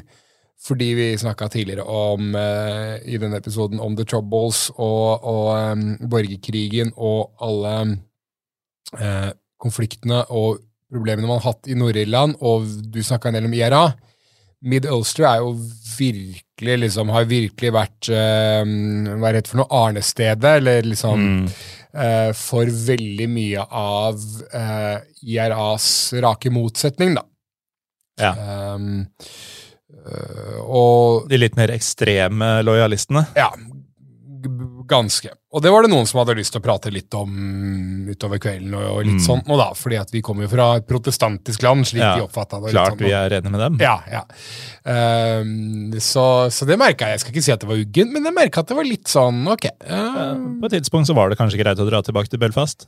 Ja. Dersom han klarte å få med seg hele meg. ja, for det var jo som, som det ofte Det blir jo da min oppgave. Det er da å prøve å dra deg av gårde. Skrape sammen restene av Morten Gallosen. Og selv om det er en liten by, så var vi ganske langt unna togstasjonen. Mm. Eh, de klarte å rekvirere en taxi for oss, fordi du var ikke i nærheten av i stand til å kunne gå. Halve meg lå jo på den parkeringsplassen. Ja. Altså Mens jeg sto oppreist. Ja. Um, tegninga. ja. Uh, og taxien dundrer på, sånn at vi skal rekke det jeg, for å dramatisere, da, Uh, sikkert var det siste toget til Belfast den kvelden. Kan godt være det var det òg, jo, det var det faktisk. For togstasjonen skulle stenge, Ja, faktisk. Så det var det. Det var vår siste mulighet til å komme, komme oss tilbake. der ser du. Um, og så er jo toget litt forsinka, så vi får litt tid på, på togstasjonen, og det tror jeg egentlig kanskje du Det var godt, kanskje egentlig du hadde godt av. godt å få litt eh, frisk luft på perrongen der etter eh, den taxituren på fire minutter. Ja, For da hadde Buckfasten marinert seg godt i Morten Dahl Gardåsen. Ja, da, da greide det seg jo vel så det. Eh, på perrongen der, mens jeg på en måte prøvde å komme meg litt mellom slagene, så kom jo jeg i prat. Jeg veit ikke hva du drev med, men jeg sto der aleine og kom i prat med du Prata med stasjonsmesteren som skulle låse, og hun øh, øh, 17 år gamle tobarnsmoren. Ja, sånn var det. Naturligvis. Ja, fordi Nei, jeg kom i prat med en litt sånn uggen type. Jeg var ikke så rent lite uggen sjøl, si. Nei. Men øh, Dere fant hverandre. Han øh, virka i praksis altså sånn jeg opplevde det. Og nå var jo jeg ganske altså The Bucky made me do ganske mye den kvelden, men jeg oppfatta det som om han i, nærmest prøvde å rekruttere meg til en litt sånn der nasjonalistisk, lojalistisk eh, bevegelse. Kan hende at uh, jeg halvveis drømte det, for jeg var jo bare halvveis bevisst på den tida. Mm. Men han var uh, ikke spesielt hyggelig, selv om han Nei. prøvde å være hyggelig. Nei.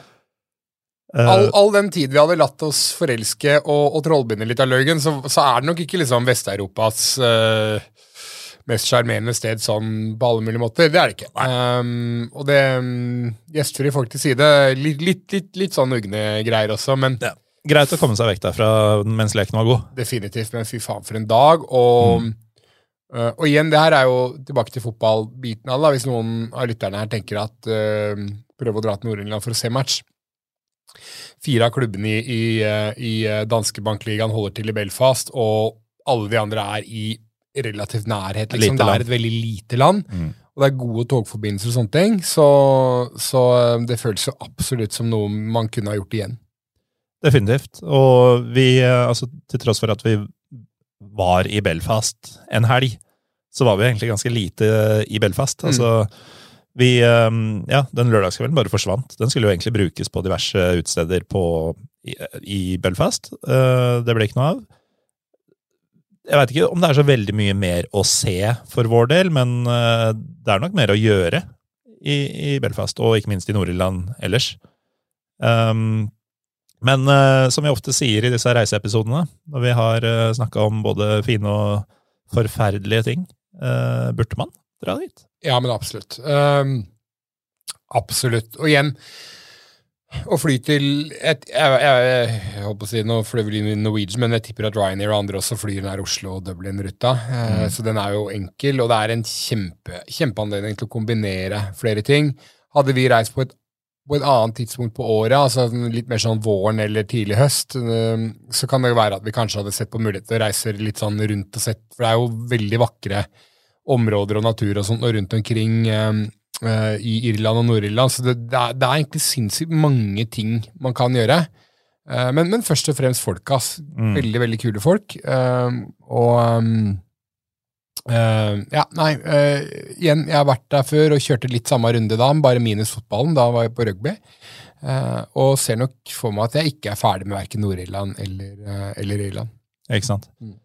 Um, når du da ser tilbake på det nå, hva, hvis du skal ta, ta fram liksom et enkelt øyeblikk eller en enkelt aktivitet vi gjorde, eller en enkelt ting du så, eh, hva er det du husker best? Det er nok at du står og spyr med stadion til eh, Glennevan eh, etter at treneren deres har Det- skjenka deg fullt full på. Nei, Det var jo ikke ment som et ledende spørsmål, men jeg skjønner. Det var bare et svar på dette. Ja, ja. Nei, men du, du setter meg liksom sånn Jeg, jeg veit ikke om jeg har noe svar på det. Jeg tror bare det er den gode stemninga, og at eh, for de av lytterne som ønsker å oppleve noe, noe sånn fotballgrei som fremdeles føles Skal ikke sitte her og definere hva som er ekte fotball, her, da, men hvis man har lyst til å oppleve den stemninga som man kanskje forbinder litt med sånn, litt sånn old school eh, England og, og Storbritannia, og uh, med både tribunebanter og, um, og alt liksom alt det fotball skal være, minus alt det glamorøse, egentlig, Mm. så tenker jeg at det her er virkelig, virkelig virkelig stedet å dra. da. Eh, og hvis noen gjør det, så send oss gjerne en melding, så skal vi prøve å sette dere i kontakt med noen lokale som kan servere dere både buckfast Ja. og rekruttere dere inn i fæle organisasjoner. Gir dere nummeret til Gary. Ja. Eh, men eh, du sier altså uten alt det glamorøse. Nå har vi snakka nesten to timer uten å ha nevnt det ene glamorøse aspektet med nordirsk Mm. fotballhistorie. Nord-Irlands Mo Salah. Det kan du godt si. Ja, ja. Eh, fordi da vi skulle dra, så skulle vi jo ta eh, bussen til eh, Dublin Airport. Og mens vi venter på den, så ser vi at det går masse busser til Belfast International Airport. Og den fikk jo nytt navn, den, i 2006, eh, på det som ville vært George Best sin eh, 60-årsdag. Ja.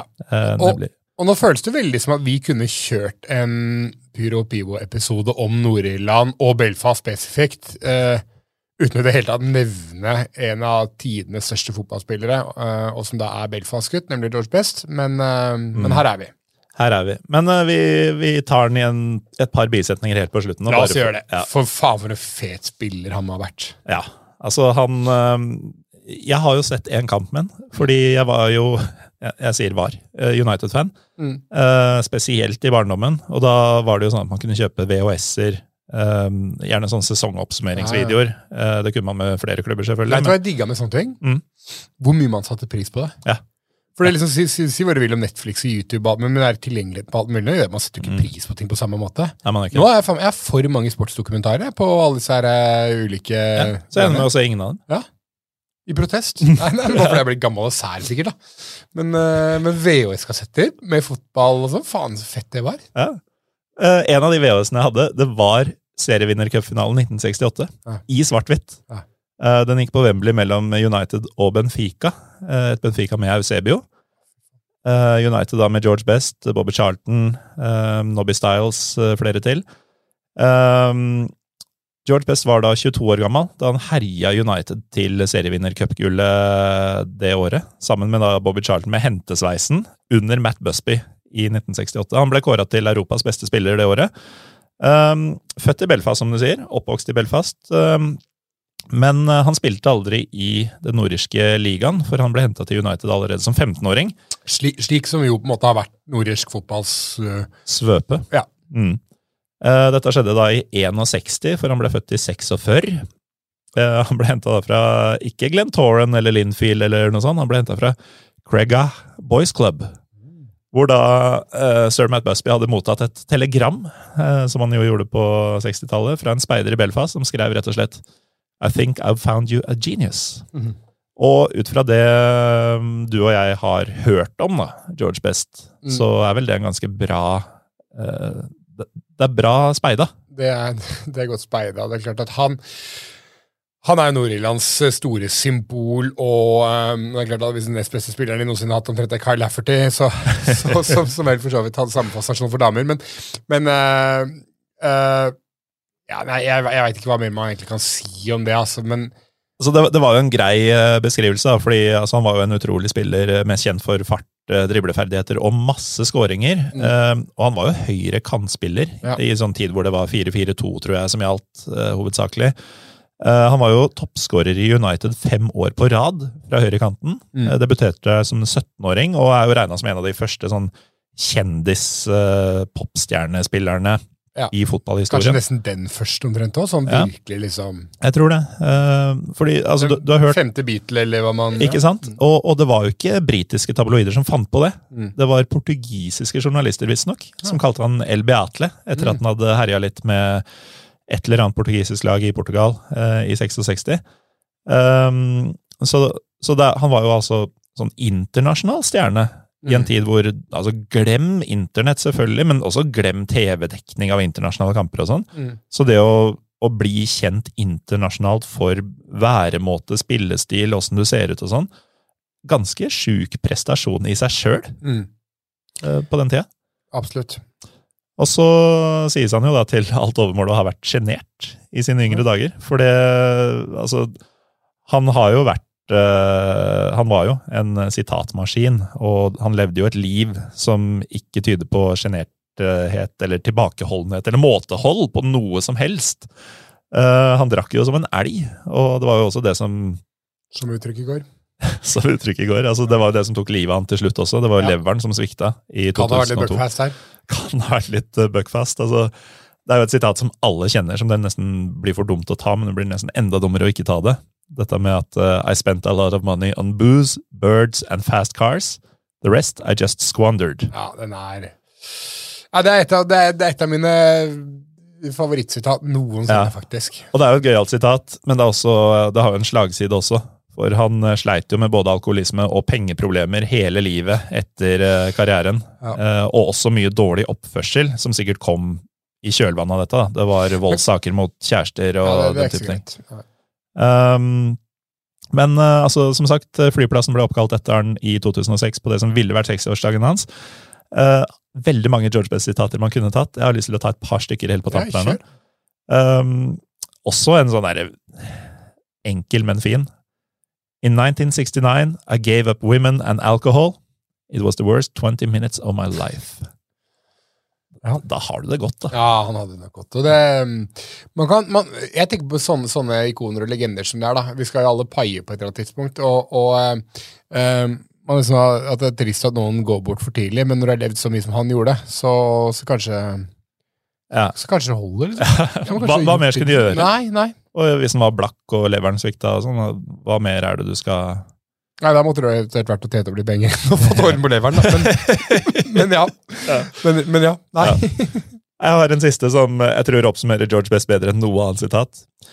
Eh, For han var jo best, i, han var jo best på banen. Mm. Han var tydeligvis best i baren. Og det var, eh, alt dette var et mål, eh, for som han sa Just as I wanted to outdo everyone when I played, I had to outdo everyone when we were out on the town. Ah, det høres ut som Garlosen på, på Buckfasten, faktisk. Det høres ut som Drekkameratene. Mm. eh, Fjellhammers beste band. Uten noen konkurranse fra noen andre band, så det er ganske lett tittel å få. Eh, Jeg tror vi er ved veis ende, Trym. Hvis du ikke har noen historiske tidbits fra 1400-tallet som du har glemt å ta. Helt sikkert, men eh, jeg tenker at vi kan spare lytterne. Vi sparer lytterne. De lytterne som ønsker mer Nord-Irland, kan glede seg til neste uke. Da kommer den første Parla Inglesen på år og dag. Eh, Da får du hele samtalen min med Gary Hamilton, som dere har hørt litt utdrag fra. Det blir nesten som en sånn bonus på en episode. da. Det blir jo egentlig det. Ja, Det blir sånn Sterkt. PS, eller epilog. Ja, Epilog. Det er ikke ofte man sier eh, med munn. Nei. Det skriver man stort sett bare. sant. Og ikke, ikke så ofte det heller kanskje, lenger. Kanskje, kanskje Pyro Pivo kanskje er en fremtid her allikevel? Kanskje Pyro Pivo kan leve videre. Ja. Eh, hvis man vil vite om Pyro Pivo lever videre, så kan man jo følge Pyro Pivopod på Twitter og Instagram. Uh, takk, eh, Trym Magner. Hvem av lytterne er det som ikke gjør det? Det, vet du hva? Vi har, sånn vi har flere, mange flere følgere på, på Twitter, i hvert fall. Det er så call to action jeg hører i enn en, podcaster. ukentlige lyttere. Ja, det skjønner jeg, men det er en sånn call, for det vet jeg ofte er tilfellet med flere podkaster. Men jeg bare lurer på den call to action. Det er sånn. Hvem er det som liksom Ah, faen, nå må jeg gå inn og Da må jeg gå inn og følge på Twitter, for det hadde jeg ikke tenkt på før. Det er jo eventuelt noen som hører for første gang. da. Men hvorfor kunne du ikke helt si øh, følge meg på Twitter, da? Kanskje de ikke har hørt meg i Pyro Pivo før? ikke sant? Det har vært hyggelig. Følg eh, at Hogner X uh, hvis du vil eh, Hele mitt mål med å komme på Twitter var egentlig bare å få flere følgere enn deg, og så bare melde meg ut igjen. Men En stund var jeg jævlig nervøs også, fordi Ja. du fikk så sykt mange til å begynne med. det, det boosta bra en stund, og så bare stoppa det helt opp. Og nå er jeg ikke ofte nok på Twitter til at jeg eh, forsvarer noen som helst følgere, egentlig. Nei, Du er ikke ofte nok her heller, eh, Sant nok. men eh, kanskje vi kan endre på det nå som man både kan dra på fotballkamper her til lands og reise utenlands og gå på fotballkamper utenlands, med mindre russerne sprenger et atomkraftverk med vilje, som vel gjøres i løpet av helga. Nok om det. Eh, takk, takk, heter det, Trym Hogner, for at du eh, var med. Eh, takk til deg som hører på. Du veit hva vi er på Twitter og Instagram. Jeg heter Morten Gallosen. Vi snakkes på engelsk om en uke.